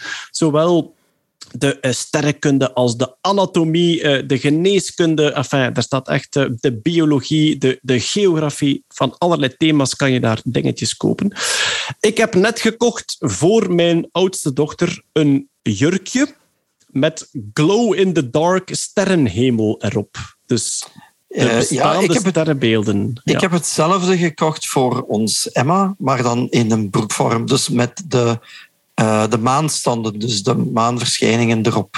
Ook ah, glow ja. in the dark. Ja. Ah ja, ja. Zo, zo op de zijkant van uw been. Ja, op de zijkant. Ja, ja, ja. Nieuwe maan en dan alle sikkeltjes en dan volle maan. Ja, ja, juist, ja, En onze Emma is er bijzonder blij mee, want het is nu een uh, studeerbroek geworden, een blokbroek. Hè. Dus ze heeft ah, dat nu aan om te studeren. Ja. Cozy pants. Yes, cozy pants. Ik had bij een vorige eh, sponsorronde had ik, had ik van Ferry Positron voor mijn, voor mijn toen nog tweejarige, nu driejarige dochter uh, onderbroekjes gekregen met astronauten erop. Die ze heel graag aandoet. Want elke keer zegt ze, dat is mama Hetty. En nu moeten we zeggen, nee, nee, dat is mama Hetty niet. oh. maar goed, die, waren intussen wat, die zijn intussen wat klein geworden. Want ja, dat groeit natuurlijk gelijk kool. Dus ik heb net gisteren glow-in-the-dark onderbroekjes besteld met, oh. met raketten op. Ja, prachtig. En, ja, dus dat is dan, Het is niet Mama Hetty, maar het is nog altijd tof. Nieuw, nieuw in de aanbieding zie ik ook. Ze hebben glazen met daarop, dus een zwart glas met erop in het wit, um, het elektromagnetisch spectrum of de verschillende uh, hart... Uh, cardiogrammen. De, de, cardiogrammen, ja, dat is het woord dat ik zocht. Bij verschillende hartaandoeningen. Ja, Nieuwe juwelen en nieuwe etuis. Dus voor de studenten die uh, vol een bak in een blok zitten, dat, uh, dat kan je daar halen. Wat ik, wat ik ook nog wel even wou zeggen, wat ik ook nog wel belangrijk vond, dat is een hele toffe webshop die heel... Um, correct handelen en zo. Dus ik was, ik was aan het kijken voor als je zo dingen voor je, voor je kinderen bestelt, ik vind dat toch altijd tof als je dan weet dat dat niet door andere kinderen gemaakt is. Ja, ze zijn fair, tra fair, trade steken, Ze steken er ook een persoonlijk geschreven kaartje bij als ze het opsturen. Dat vond ik ook wel heel leuk. het is het absolute minimum om van een sponsor te zeggen. Het zijn geen dieven. ik, heb, uh, ik heb een beetje zitten rondsurfen op de, de new products, hè, want ik ga er af en toe kijken en dan kijk ik wat is er nieuw. Ze hebben hele mooie juweeltjes. Wat ik heel tof vind, dat zijn zo ringen voor rond uw vinger die niet rond zijn, maar die zo eigenlijk ja, een beetje rond uw vinger cirkelen. En zo hebben ze, ik denk, een zeemeermin en een slang, die er eigenlijk fantastisch goed uitzien. En ik kwam ook op de oorbellen. Uiteraard heb je de standaard uh, wetenschappelijke oorbellen met, ja, wat zit daar tussen allerlei um, atomen en moleculen en gelijk wat. Maar ik kwam plotseling op, um, met deze oorbellen sponsort u period poverty. En ja, period poverty, dat is eigenlijk ja, um, vrouwen, meisjes die, uh, die uh, uh, menstrueren, die in armoede zitten en die zelfs niet het geld hebben om de basisproducten aan te schaffen die zij nodig hebben daarvoor. Daar worden allerlei fondsen voor opgericht, zodat ze die basisproducten kunnen voorzien. En ze hebben oorbellen en als je die koopt, dan gaat de sponsoring onmiddellijk naar period poverty steunprojecten. Eentje daarvan is in de vorm van ja, baarmoeders en eierstokken eigenlijk. Hè? Dus je hebt dan eigenlijk oorbellen in de vorm van anatomische eierstokken. De andere is doodgewoon in de vorm van de vagina. Dus dan heb je... De Hashtag, ik wil die. voilà, dus. Ik draag geen oorbellen, maar daarvoor maak ik een uitzondering. Maar ze, zijn, ze zijn ook anatomisch zeer wetenschappelijk. Labia minor, labia major, clitoris, alles aanwezig. En ik weet het niet zeker, maar ik denk als je niet weet waar dat je naar kijkt. Dat is het beste. Dat ziet eruit als een roosje. Dat je zo mensen zo een klein beetje raar ziet kijken naar je en dat je zoiets hebt van... Dat is wel zo dat meisjes naar school kunnen gaan, zodat ze gewoon wel maandverband hebben, zodat ze naar school kunnen gaan. Of je draait dan een kwartslag en het is een mond, hè. Ah, ja, ja, voilà. That's what she said.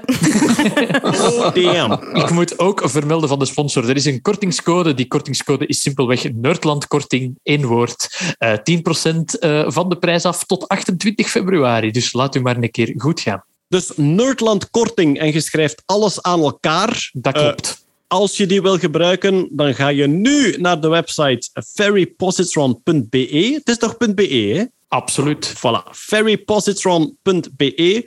Je uh, kiest daar gewoon een beetje rond. Je maakt je bestelling compleet. En dan bij het uitchecken heb je de kortingscode NerdlandKorting. En dan kan je weer helemaal genieten van allerlei geeky kleding, gadgets, gebruikobjecten, juwelen, alles wat je maar wil. Daarmee zijn we helemaal rond voor deze maand. En dan dank ik jullie hartelijk voor het luisteren. Helemaal tot op het einde zeg. Dank je wel daarvoor. Wij waren hier vandaag met Els Aerts. Yo. Met Kurt Beheid. Ja. Met Natta Kerkhoffs. Ajustruus. Met Jeroen Baert. Doei. En met Peter Berks. Dank u wel voor het luisteren. En hopelijk ook tot volgende maand. Dag. Dag. Dag.